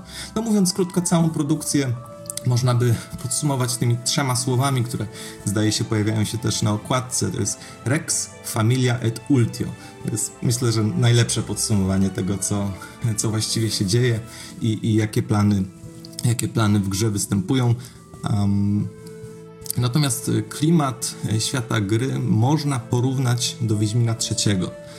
W tym sensie, że postacie, które napotykamy, one nie są brązowe, e, jakieś wyidealizowane, ale ludzkie, czy też wręcz takie zwyczajne, takie nic niezwykłego, tak?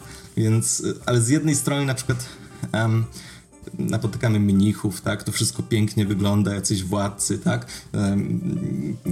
Dyplomacja i tak dalej, i tak dalej. Ale kiedy przyjrzymy się temu środowisku, to na przykład okazuje się, że braciszkowie zakonni wcale nie są tacy święci, a kłótnie sąsiedzkie czy mezalianse obyczajowe to jest naprawdę nic niezwykłego w tym świecie.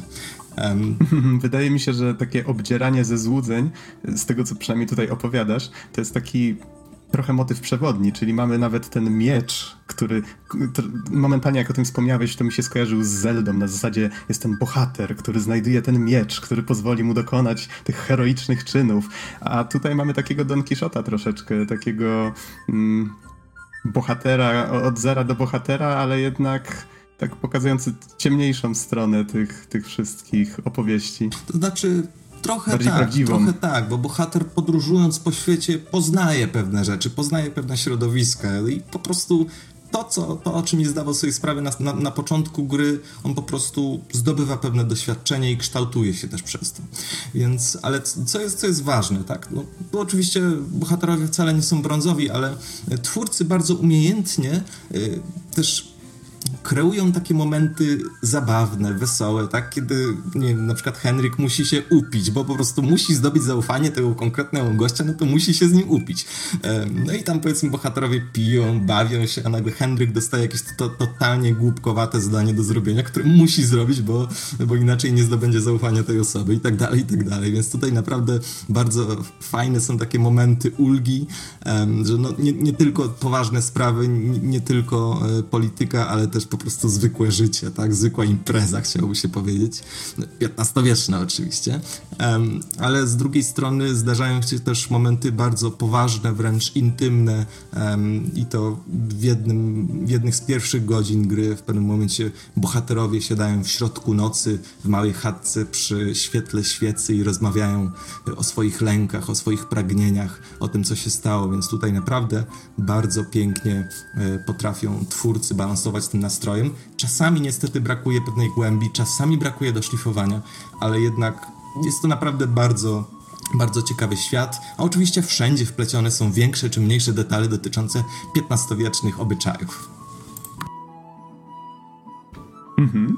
A jeszcze taka ciekawostka, znaczy ciekawostka, coś, co gdzieś tam wyczytałem bliżej premiery, y, może kogoś to zainteresuje, czy są tu jakieś na przykład wątki romansowe? A naturalnie, że są różne, nawet nawet o charakterze mezaliansu, więc ale może nie będę, nie będę niczego e, spoilerować. Natomiast e, natomiast e, no mogę jeszcze w sumie zdradzić jedną rzecz, że jeśli chodzi o elementy humorystyczne, to jest po prostu totalnie absurdalna akcja, cytuję, z lożką, kokoszką i kobyłką ale tutaj nie będę tego rozwijać, to, to, to po prostu wchodzą w życie e, substancje halucynogenne, więc, więc, więc dzieje się dużo. Hmm.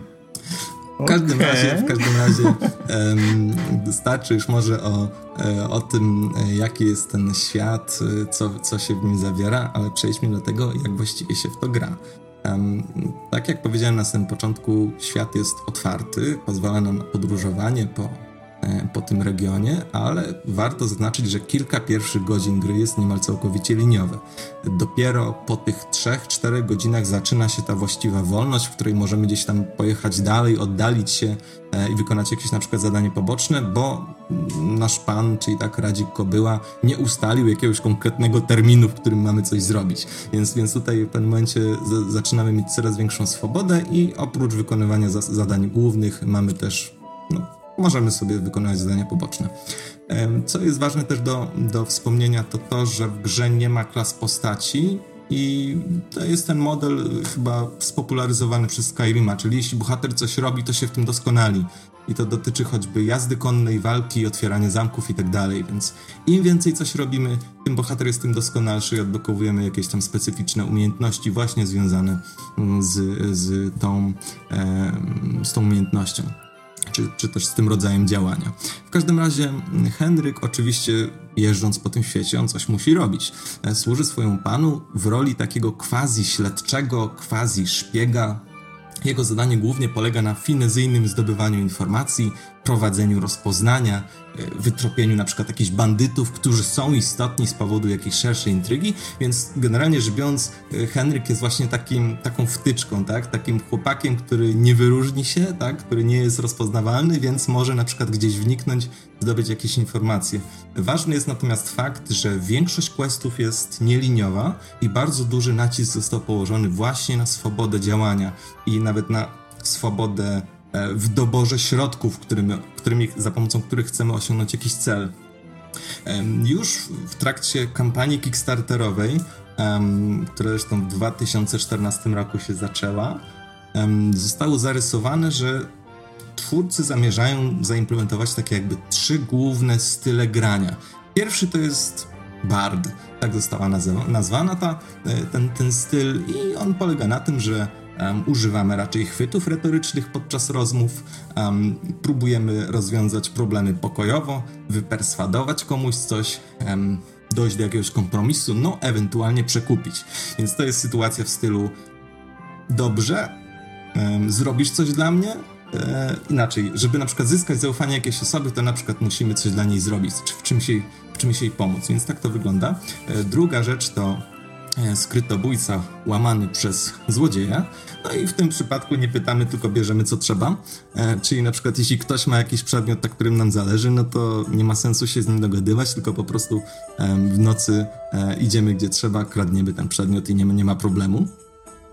Um, a trzeci styl grania to jest um, jak gdyby wojownik, rycerz i w tym wypadku, no, jak sama nazwa wskazuje, raczej stawiamy na konfrontacje siłowe, e, czy to walka na pięści, czy to mm, walka zbrojna, natomiast e, to wcale nie musi się kończyć pojedynkiem, może się skończyć na groźbie.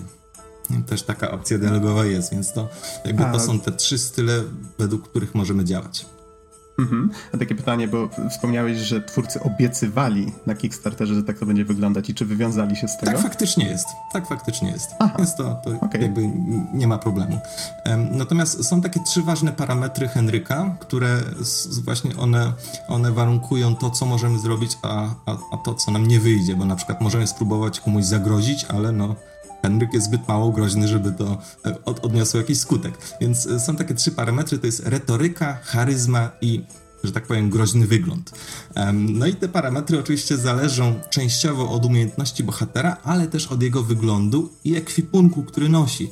Czyli czysta, piękna zbroja, piękny, cudowny miecz, no to podnosi naszą charyzmę, tak? Wtedy zagadujemy do chłopca, do kupca, on mówi, och, jaka piękna zbroja, skąd, skąd ją masz, tak? Albo na przykład mówią do Henryka, panie rycerzu, dziękuję, że zainteresowałeś się moją osobą, więc tu ludzie reagują w ten sposób. Natomiast jeśli mamy... Ze szacunkiem. Jeśli mamy na przykład ubranie zakrwawione, poszarpane, czy broń we krwi, no to wtedy mamy ten e, groźny wygląd. E, no i na przykład ludzie reagują troszeczkę inaczej do niego, na przykład hej, czy cię napadnięto, że tak wyglądasz? Ktoś ci ukradł ciuchy i tak dalej, więc, e, więc ludzie, ludzie różnie reagują na to, jak Henryk wygląda i kim właściwie, jest... kim jest.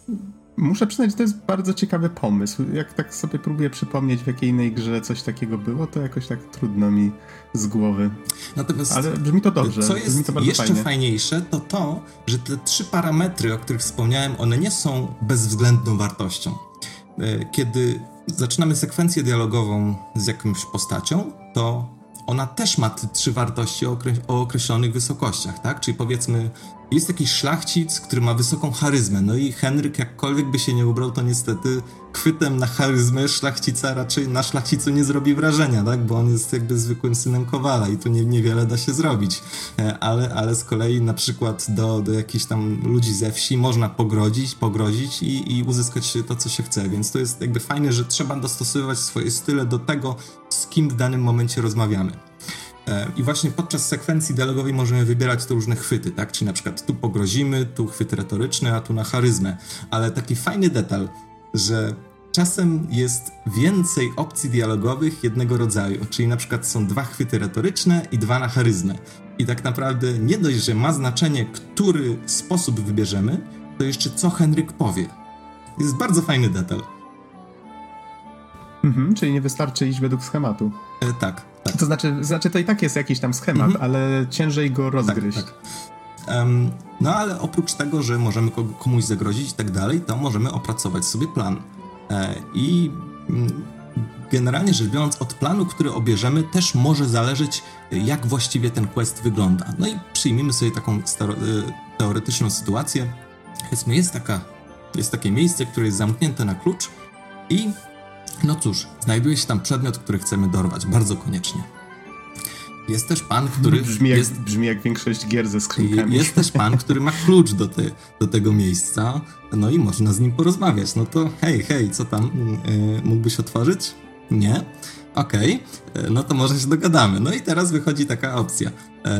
Strażnik e, zamkniętego miejsca proponuje nam, no dobrze, no to jak, jak coś dla mnie zrobisz, to ja sobie udam, że zapomnę tego klucza i, i powiedzmy będziesz mógł dorwać, to dorwać się do tego miejsca. No i faktycznie możemy zrobić coś dla tej osoby, żeby w ten sposób osiągnąć swój cel. Ale przecież wcale nie musimy, bo wystarczy zdobyć wytrych, jeśli się jest dobrym w wyłamywaniu zamków i po prostu samemu, yy, samemu to miejsce otworzyć nie ma żadnego problemu. Ale przecież nic nie stoi na przeszkodzie, żeby tego klucznika czy też strażnika po prostu okraść yy, i w ten sposób zyskać ten klucz. W związku z tym to już mamy kilka opcji. I, I, tak to wygląda często w samej grze, że po prostu yy, zaczyna się quest, mamy powiedzmy dwie, dwa wyjścia i potem wybieramy jedno z nich oczywiście i potem w tym jednym są kolejne dwa i tak dalej. Więc, więc tutaj naprawdę swobody jest dosyć sporo. I w zależności od tego, jaki mamy styl gry, czy też na przykład chcemy e, kraść, zakradać się, czy też po prostu walczyć, tak powiem, z otwartą przyłbicą, albo stawiać na rozwiązania pokojowe, no to fak faktycznie możemy tak grać. Mhm. Okej, okay, a powiedz mi może trochę więcej na temat walki, bo o tym chyba nie wspomniałeś jeszcze. Czyli jak walczymy, z tego co pamiętam, twórcy obiecywali, że ten system walki będzie taki dość, jeszcze z Twoich pierwszych wrażeń pamiętam, taki dość specyficzny, dość mocno wzorowany na tym, jak naprawdę się walczy mieczem. Tak, tak. To jest właśnie dosyć, dosyć ambitna próba odwzorowania um, odwzorowania XV-wiecznego stylu walki i próba pogodzenia tego z rozgrywką, no żeby jednak w to się dało grać, prawda, za pomocą myszki, klawiatury, ale i pada. Warto zacząć od tego, że do dyspozycji mamy trzy rodzaje broni. E, bronie jednoręczne i to właśnie Wchodzą w skład tutaj miecze, buzdgany, topory, pałki, do tego można jeszcze mieć tarczę. E, broń dwuręczna no to na przykład miecz dwuręczny, chyba jest też mm, berdysz, więc to też jest kolejna dwuręczna. E, a do tego dochodzą jeszcze bronie drzewcowe, na przykład halabarda. No i łuki, jeśli ktoś ma życzenie, e, ma życzenie załatwiać sprawę, że tak powiem, na odległość. I co jest właśnie dosyć fajnie zrobione, to system walki jest obcy zarówno dla gracza, który po raz pierwszy ma kontakt z grą, jak i dla samego Henryka, bo przecież e, on, on też dopiero poznaje te pewne tajniki, więc można powiedzieć, że gracz uczy się walki razem z postacią. To jest naprawdę bardzo fajne. Um, warto dodać, że um, jest taki system, który w grach dosyć powszechnie funkcjonuje. On został wykształcony ukształtowany choćby w Mountain Blade, e, czy War of the Roses powtórzyli ten system, to polega na tym, że mamy cztery kierunki ataku e, i cztery kierunki obrony, tak? Czyli powiedzmy atakujemy od góry, no to wtedy trzeba od góry się bronić i tak dalej.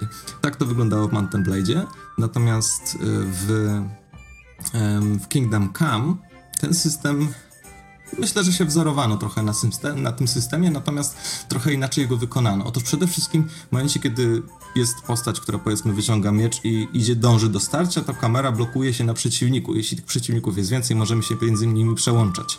Jest to pewne ograniczenie, dlatego że jakby nie możemy szybko się odwrócić, walnąć mieczem i powrócić do walki z innym przeciwnikiem, tylko jednak no, blokujemy się na danym przeciwniku i z nim toczymy walkę. Jakby to jest, to jest tutaj dosyć istotne, że niestety pewna swoboda jest tu trochę ograniczona. W każdym razie zamiast czterech e, kierunków, o których wspomniałem, jest sześć. I to wygląda mniej więcej na kształt pięcioramiennej gwiazdy plus pchnięcie, czyli ten szósty kierunek. E, I w zależności od tego, kiedy już jesteśmy zablokowani na postaci przeciwnika, możemy za pomocą ruchów myszki po prostu przełączać się e, pomiędzy kierunkami ataków. No i tutaj mamy, e, mamy całą gamę możliwości. Oczywiście e, tak zwany zwykły cios, no to po prostu wybieramy kierunek i, e, i uderzamy. Natomiast oczywiście na tym nie koniec, bo istnieje coś takiego jak kombosy, czy też serie, serie ciosów. Cała rzecz polega na tym, że w pewnym momencie mm, bohater po prostu wraz ze zdobywaniem poziomu po prostu można odblokować pewne sekwencje ciosów i wtedy na przykład powiedzmy jest sekwencja góra, prawy, prawo i lewy dół, tak? Jakby to lewy dolny e, ramię tej gwiazdy. I w momencie, kiedy wykonamy te ciosy jeden za drugim nie, i, i przeciwnik nam nie przerwie, e, to wtedy, to wtedy Henryk jako ten trzeci cios wykonuje cios specjalny. Czyli na przykład cios prosto w głowę. I to jest rzecz bardzo fajna, bo z jednej strony odblokowujemy te, te różne sekwencje, które są zróżnicowane dosyć, a z drugiej strony one nie wykonują się automatycznie, tylko po prostu musimy je sobie zapamiętać, e, no i, no i po prostu je wykorzystać samodzielnie w walce, więc to jest umiejętność aktywna i bardzo, bardzo mi się podoba ten pomysł. Mhm. Nie, nie jestem pewien, czy sobie to dobrze wyobrażam, ale um, w, w, jaki sposób w takim razie machamy tym mieczem? Czy to jest za pomocą gałki, czy, czy po prostu... Za pomocą gałki wybieramy kierunek i wtedy kierunek, klikamy aha. i bohater wykonuje cięcie w tym kierunku, który wybraliśmy. Aha, czyli sam ruch gałką nie wystarczy? E, nie, nie. Okej, okay, okej, okay, rozumiem. Czyli mm -hmm. tak samo na myszce jest po prostu myszką, regulujemy sobie, e, który ten kierunek się podświetla, wtedy klikamy i bohater wyprowadza cios. E, natomiast oczywiście oprócz elementów ofensywnych mamy i defensywne. E, no i chociażby jest to obrona i tutaj niestety mój zawód, dlatego że żeby się obronić wystarczy przytrzymać prawy przycisk myszy i nie trzeba dostosowywać kierunku obrony do kierunku ataku, że tak powiem. Więc Henryk to zrobi automatycznie, przy czym ta zwykła obrona jest dosyć prymitywna więc jeśli powiedzmy przeciwnik uderza pionowo od góry, no to Henryk niezgrabnie trzyma miecz w poprzek, żeby zablokować cios. E, to natomiast zużywa wytrzymałość, która odnawia się z czasem, no ale kiedy bohater, kiedy przeciwnik na przykład wyprowadzi całą serię ciosów, zużyje naszą wytrzymałość, to przez chwilę jesteśmy, e, jesteśmy bezbronni. I dlatego też jest też e, taki, taki sposób, który nazywa się specjalna obrona, czy też perfect block, Um, no i po prostu musimy kliknąć obronę um, w odpowiednim momencie i wtedy mamy naprawdę bardzo finezyjny ruch. I na przykład jak przeciwnik nas atakuje od góry, to ostrze leci, to Henryk tak uskakuje na lewo i swoim mieczem finezyjnie, delikatnie y, spycha, zmienia tor, e, tor e, ostrza przeciwnika, więc tutaj naprawdę fajnie to wszystko wygląda. I poza tym jest kolejny, jeszcze lepszy perfect block, który polega na tym, że jest po prostu kontratakiem. Um, jeszcze bardziej musimy być dokładni w tym, kiedy klikniemy obronę i wtedy Henryk nie tylko obroni się przed ciosem, uchyli się, ale też jednocześnie zaatakuje. Co warto... Czyli z tego, co mówisz, wnioskuję, że podoba ci się to, że to rozwiązanie faktycznie działa, jest unikalne, ale, ale daje satysfakcję. Czy przede wszystkim tak, animacje ataków, bloków, pozy bohaterów, choreografia, to wszystko wygląda po prostu świetnie wygląda autentycznie i wygląda prawdopodobnie. I podejrzewam, że nie ma drugiej gry cyfrowej, w której walka bronią białą wygląda tak prawdopodobnie jak tutaj. Um, natomiast są pewne problemy. No, jako że oczywiście te, cała ta choreografia została zrobiona przy technice motion capture, a żeby te wszystkie, wiesz, postaci, miecze stykały się i, e, i e, zderzały ze sobą, to jednak postacie muszą być względem siebie umiejscowione w pewnym układzie, tak? No, blok e, nie miałby sensu animacja bloku, gdy na przykład Henryk był trochę zbyt daleko.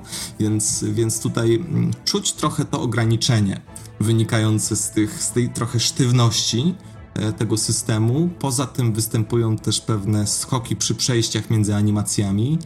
Um, czasem jak dziwnie zablokujemy, to broń się jakoś tak dziwnie ułoży w rękach postaci.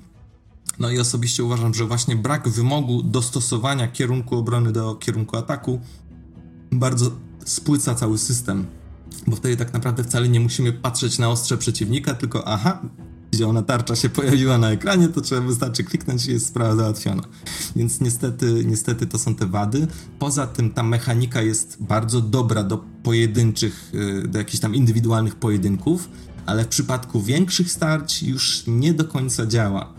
Um, więc, więc chyba, że to większe starcia polegają na tym, że indywidualni rycerze ze sobą się pojedynkują i wtedy jakby nie wchodzą sobie w drogę. Ale kiedy wchodzą, no to wszystko, mm, wszystko to nie, zaczyna trochę, e, trochę wyglądać nie tak, jak powinno. Um, w każdym razie w grze mamy do czynienia nie tylko z pojedynkami, także z większymi bitwami, w których bierzemy udział i to jest naprawdę bardzo fajnie są zaplanowane. Um, one oczywiście są dosyć sztywne, Naszym, wchodzimy tam powiedzmy do, do, pewnego punktu i z prawej strony gdzieś nadbiegają kolejni żołnierze albo przeciwnicy, więc to E, są rzeczy zaplanowane dosyć liniowo, ale działają i to naprawdę jest dosyć emocjonujące, kiedy powiedzmy tam kilkunastu żołnierzy naszych, kilkunastu przeciwnika naraz się po prostu naparza. Więc to jest bardzo, bardzo fajnie. E, w dodatku um, jest coś takiego w grze jak obozy bandytów, e, więc po prostu, e, więc e, po prostu, no, czasem mamy takie zadanie, żeby taki obóz zlikwidować. I tu właśnie też wychodzi, jak mechanika gry jest elastyczna, jak wiele, no, jak, na jak wiele rozwiązań pozwala. No bo oczywiście, jeśli to są zwykli bandyci bez jakiegoś tam, powiedzmy, ekwipunku, czy jest powiedzmy ich tylko trzech, no to można po prostu przyjść, siema, wy, wyjąć miecz i po prostu ich zabić, tak? No bo powiedzmy sobie szczerze, jakkolwiek by nie mieli umiejętności, jedno pchnięcie na zwykłą lnianą koszulę i sprawa jest tak naprawdę zakończona. E, natomiast, e, natomiast e, są takie sytuacje, że powiedzmy obozy są nieco większe, już jest pięciu, sześciu ludzi przeciwnika, no i oni są lepiej uzbrojeni, mają, mają zbroje płytowe i o ile tam powiedzmy starają się mm, doprowadzić do, w otwartej walce uczciwej do zwycięstwa, nie zawsze się to udawało, więc wpadłem na pomysł, a może poczekam do nocy i wtedy zaatakuje. No i faktycznie... Żeby co, żeby poczekać aż się rozbiorą i położą tak, spać. Tak. E, I, Naprawdę i wtedy, to działa? I wtedy faktycznie, um, wtedy faktycznie oni sobie śpią.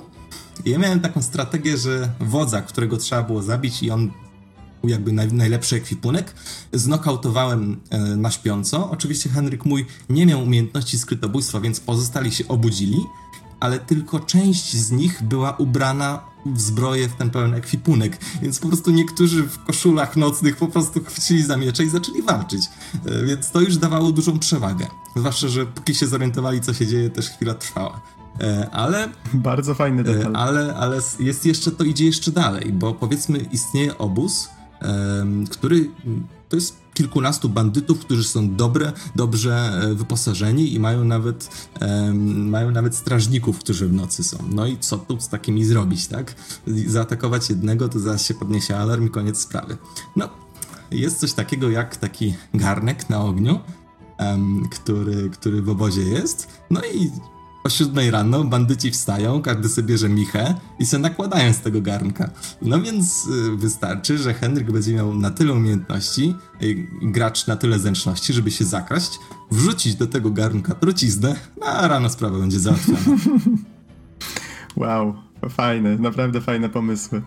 Więc, więc, a jeśli chodzi o e, trucizny, to myślę, że warto, warto wspomnieć, że w grze jest y, dosyć mocno rozbudowany system alchemii, i możemy ważyć rozmaite eliksiry. Oczywiście to są takie eliksiry, które byłyby bardziej prawdopodobne w naszym świecie, e, ale one wciąż są trochę, takie trochę fantastyczne, tak? Czyli na przykład, no oprócz wszelkiego rodzaju trucizm, e, trucizny, które możemy uważać, na przykład jest coś takiego jak e, koguci eliksir, który powoduje, że nie chce się spać, tak? Albo albo na przykład, e, albo na przykład taki eliksir, e, który podnosi naszą charyzmę, e, albo eliksir piewcy, który z kolei sprawia, że Henryk ma większą pewność siebie i, i, i lepszych chwytów retorycznych, czy, czy, czy też skuteczniejszych używa. Więc, więc to są tego typu rzeczy. Natomiast co jest też dosyć ważne, że ważenie eliksirów nie jest automatyczne. Są w grze takie rzeczy jak laboratorium z przyrządami, tam jest kociołek, miechy, moździerz i najpierw zebrane na polach przy drodze e, inne zioła. Mamy oczywiście zebrane, mamy też przepis, który chcemy wykonać. No i cóż, podchodzimy do laboratorium, trzeba tam nalać bazę, alkohol, e, bazę eliksiru do kociołka, czyli powiedzmy tam alkohol, woda czy olej. No i potem gotujemy, rozdrabniamy, destylujemy te wszystkie składniki. Jeśli zrobiliśmy wszystko dobrze, no to mamy eliksir. Więc tak to wygląda. E, rzecz jest naprawdę bardzo fajna i wbrew pozorom wcale jakoś e, nie nużąca, więc naprawdę wszystko fajnie, fajnie działa. Mhm. Okej. Okay. A powiedz, mm, o czym jeszcze nie wspomniałeś? Coś o eksploracji albo może jakichś jeszcze umiejętnościach bohatera? Myślę, że eksploracja tutaj jest dosyć istotnym elementem, bo ten otwarty świat, o którym wspomniałem na początku, ma no chciałoby się powiedzieć, zaledwie 16 km kwadratowych. Tak naprawdę są to tylko, albo aż, dwa większe miasta, za, e, pomniejsze zamki, zameczki, wsie i osady, głównie wsie. Natomiast ważne jest to, że położenie miast, ważnych budynków, czy nawet poszczególnych zabytków w dużym stopniu jest zgodne ze stanem faktycznym, jak to wygląda w rzeczywistości. Sama sam teren, na którym e, rozgrywa się akcja gry, też istnieje w rzeczywistości i te wszystkie miasta też tam są. One po prostu tylko są, zostały zmniejszone odległości między nimi, że to się, żeby to się zmniejszyło, e, żeby to się zmieściło w 16 km kwadratowych. Natomiast, natomiast to wszystko zostało naprawdę bardzo dobrze oddane. Jest cała seria filmików poświęconych temu na YouTubie, robionych przez miłośników gry, którzy po prostu idą śladami Henryka i, i mówią o zabytkach, które można zobaczyć, a które, które które nie dość, że są w grze, to jeszcze są w rzeczywistości i się zachowały do, po dziś dzień. Więc to jest naprawdę świetna Słyszałem... sprawa. Słyszałem nawet na jakiejś prelekcji, że twórcy odwzorowywali nawet kwiaty rosnące w danej porze roku. Roślinność, nawet takie detale. Co do tego, to nie jestem w stanie tego potwierdzić, ale być może, być może faktycznie też tak jest, bo, bo cała nadzieję, rzecz że dobrze pamiętam. brzmi prawdopodobnie. Natomiast, co jest też ciekawe, jest taki wielki, wielki klasztor w Sazawie z taką wielką, wspaniałą świątynią, która jest dopiero w budowie. Jest 1403 rok, e, świątynia jest w budowie, ale paradoks polega na tym, że po dziś dzień ona jest w dokładnie takim samym stanie jak e, kilkaset lat temu. Po prostu budowa nigdy nie została zakończona i ten zabytek, który zobaczymy w grze jest dokładnie taki sam jak w rzeczywistości. Naprawdę fantastyczna rzecz, fantastyczna rzecz. E, poza tym warto wspomnieć, że chociaż ten obszar gry nie jest za duży, to jednak jest dosłownie wypchany wysokiej jakości zawartością, a sama eksploracja chodzenie po ścieżkach leśnych, gdzieś tam drogach, które prowadzą do wsi, od zamku do zamku jest naprawdę daje bardzo dużo satysfakcji. A warto też powiedzieć to, że właśnie postaci żyją własnym życiem, wykonują czynności zgodne ze swoim planem dnia. I tu tak jak wspomniałem na przykładzie bandytów, którzy sobie o 7 rano z michą wstają i sobie coś tam nakładają do jedzenia. Tak samo powiedzmy kowal pracuje od którejś godziny do którejś, ktoś tam rąbie drewno, kobieta na ławce coś szyje, a w nocy po prostu te osoby sobie idą do karczmy, a potem idą spać. Więc to jest naprawdę fajna rzecz. E, fajna rzecz, że ten świat tak naprawdę e, gdzieś tam sobie funkcjonuje według tego, według tych pewnych zasad. E, miałem taką fajną sytuację, że pojechałem do handlarza końmi, zajechałem na swoim starym siwku, bo chciałem kupić nowego konia. Zajechałem do, do stajni na podwórze, no ale nie widziałem gospodarza, więc zacząłem się rozglądać, gdzie też on się podziewa. No i właśnie sprzedawca koni wprowadzał kolejne wierzchowce na podwórze. Zagadałem do niego, on zapytał, no, oczywiście zagadałem w tej sprawie, że no, chciałbym kupić wierchowca. E, no i handlarz zapytał, no a czy widziałeś nasze wierchowce? No nie no to się rozejrzyj są na podwórzu. No i faktycznie można sobie obejrzeć, każdy ma imię i właściwości, e, a kiedy już e, one zostaną obejrzane, czy też e, zdecyduje się, który kupić, odzywam się i mówię, wiesz co, ja wezmę tego, o tym imieniu i po prostu kupuję go. Więc to są takie fajne detale, które sprawiają, że, że pewne rzeczy, do których się przyzwyczailiśmy w grach, są trochę inne. Są takie bardziej, bardziej imersyjne, chciałoby się powiedzieć. Albo może po prostu twórcy stwierdzili, że jak zrobią coś delikatnie inaczej, to właśnie zbudują to wrażenie odmienności, które wpłynie pozytywnie na, na, na całość doświadczenia. Więc w sumie no, tak słucham cię i, i widzę właśnie, że oni starali się zrobić coś inaczej i to też im się chwali. Mhm, dokładnie, dokładnie. Um, podsumowując już kwestię rozgrywki, to ukończenie całej gry to ponad 50 godzin. Ja myślę, że zrobiłem większość questów pobocznych być może jeszcze kilka mi zostało, ale, ale jest to, w grze jest naprawdę bardzo dużo zróżnicowanej treści. Um, bardzo różnej, tak? Czyli na przykład to ważenie eliksirów, ale z jednej strony skradanie się, z trzeciej negocjowanie ceny z kupcami, z czwartej naprawianie swojej zbroi i tak dalej, i tak dalej. Więc naprawdę bardzo dużo różnych obszarów zostało poruszonych w grze i wydaje mi się, że twórcy trochę tak działali, co tu jeszcze kurde można zrobić, nie? Co tu jeszcze dodać do tego, do tej gry, do tego całego doświadczenia i to wszystko naprawdę świetnie wychodziło. Ja w swoich drugich, pierwszych wrażeniach na audycji wspomniałem, że w grze występują błędy. Niestety występują, ale na pocieszenie muszę powiedzieć, że um, większość tych wszystkich filmików, na których dzieją się takie totalnie kosmiczne rzeczy, no albo, um, albo te błędy są wyolbrzymione, albo już po prostu nieaktualne. E, ja osobiście w trakcie rozgrywki nie napotkałem, e, właściwie dwa razy napotkałem na błąd przez który musiałem wczytać stan, e, ale to po 50 godzinach. E, natomiast wszelkie inne jakieś, jakieś wpadki najczęściej były po prostu upierdliwe. No i podam taki przykład. No powiedzmy, no, miałem zagadać do pewnego rycerza, żebyśmy razem wybrali się na podbój obozowiska bandytów, bo tak, tak nakazała fabuła główna. Był akurat wieczór, noc, człowiek już spał, bo właśnie ma swój plan dnia, e, no ale stwierdziłem, sprawa jest ważna, nie ma co czekać, tak? No i faktycznie widzę, że jest w łóżku, zagaduję do niego, to on wstaje w tej swojej koszuli nocnej, no ale dobra, no to idziemy, tak?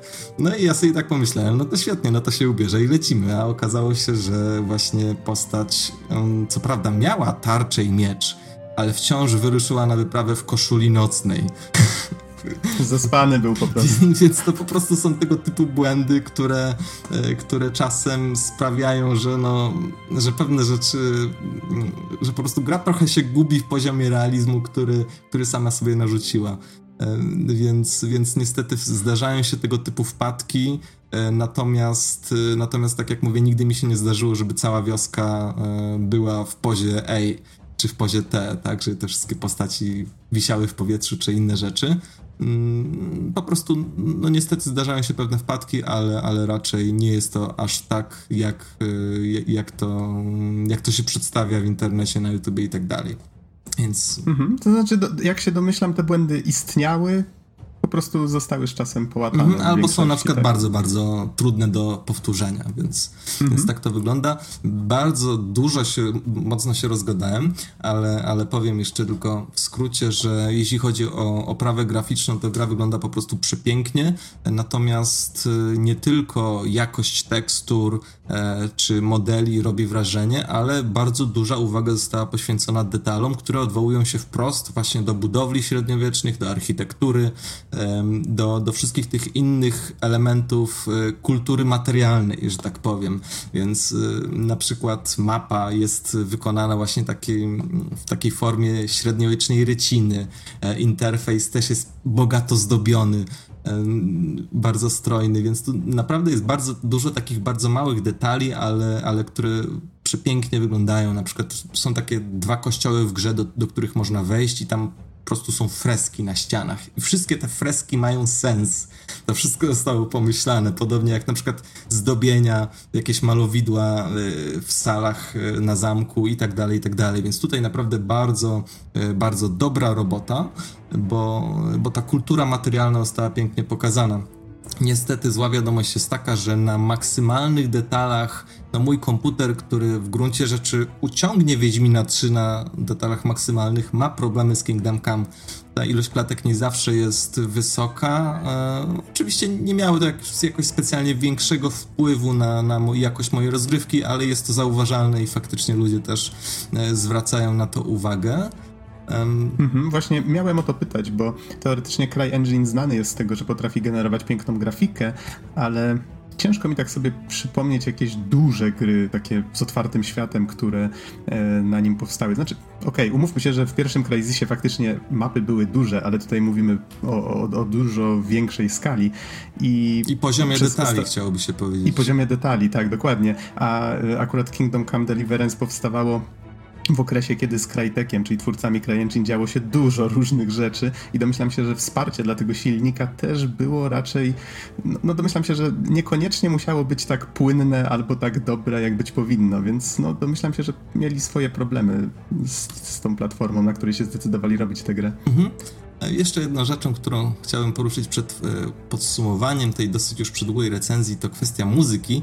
Ja e, tu zdradzę się, że przed audycją zadałem Noxowi pracę domową, podesłałem mu kilka utworów z gry i teraz Teraz A, chciałbym, tak, żeby tak. Nox, Nox coś powiedział. Ja, ja mogę tylko wstępnie powiedzieć, że, um, że um, twórcy już w kampanii Kickstarterowej osiągnęli cel, który pole, którego jakby, um, który polegał na tym, że, że wszystkie utwory miały zostać nagrane na żywo e, i na replikach replikach instrumentów z XV wieku, czy też po prostu z epoki. Nie wiem dokładnie z którego roku. W każdym razie, w każdym razie brzmi to tak, jakby faktycznie te instrumenty były wykorzystane.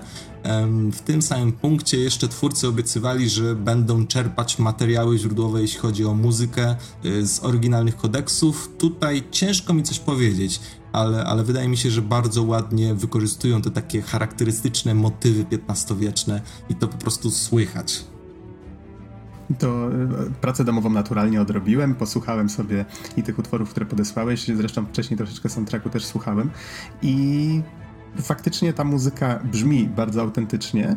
Przede wszystkim miło się jej słucha. Ja nie jestem jakimś znawcą ani tych instrumentów, chociaż faktycznie to są takie, które gdzieś tam człowiek słyszał, czy to nawet kojarzą się trochę z Wiedźminem, tak? Bo mm, CD Projekt Red też się właśnie, myślę, tymi okresami um, inspirowało.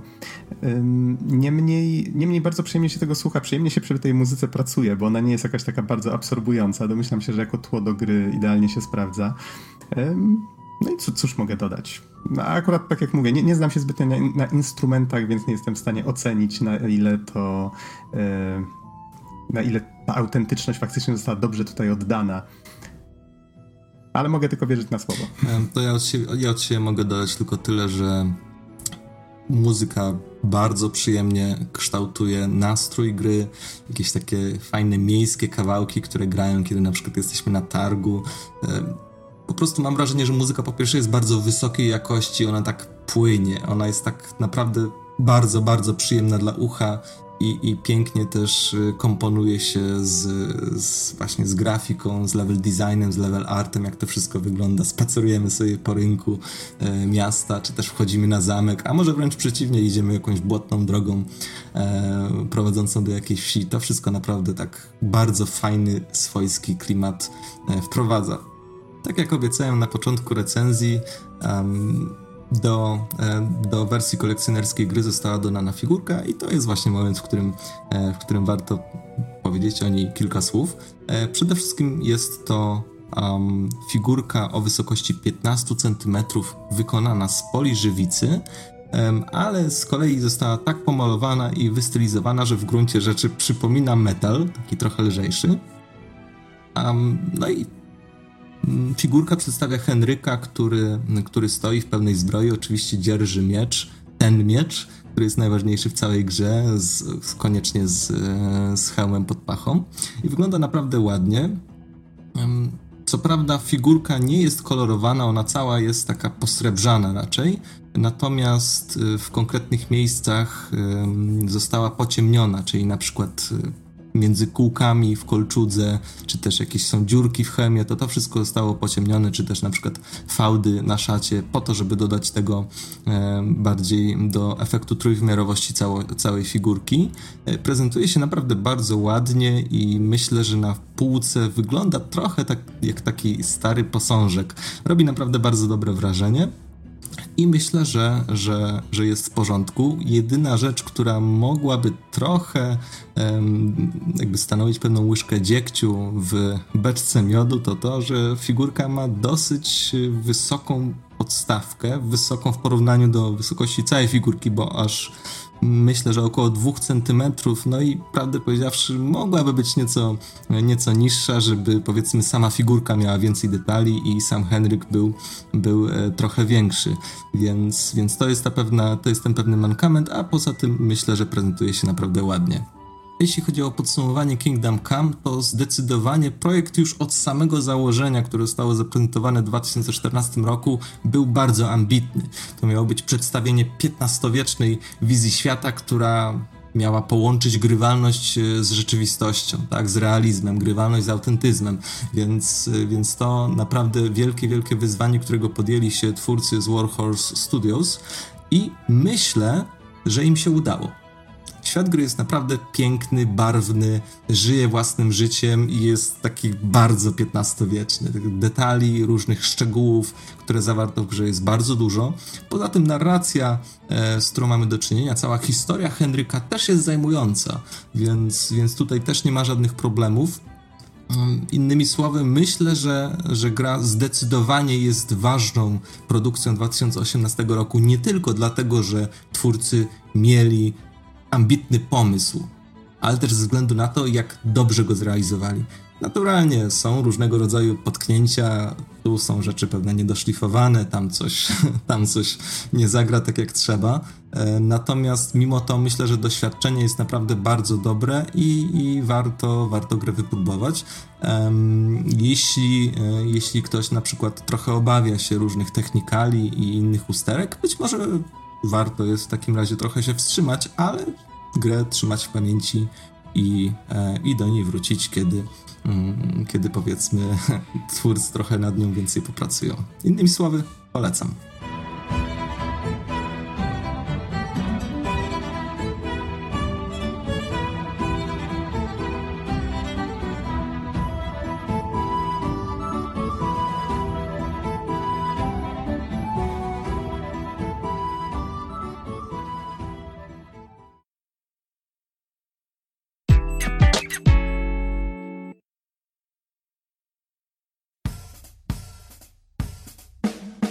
Wszystko na dzisiaj. Dziękujemy Wam bardzo za uwagę i do usłyszenia w następnym odcinku. Trzymajcie się. Na razie.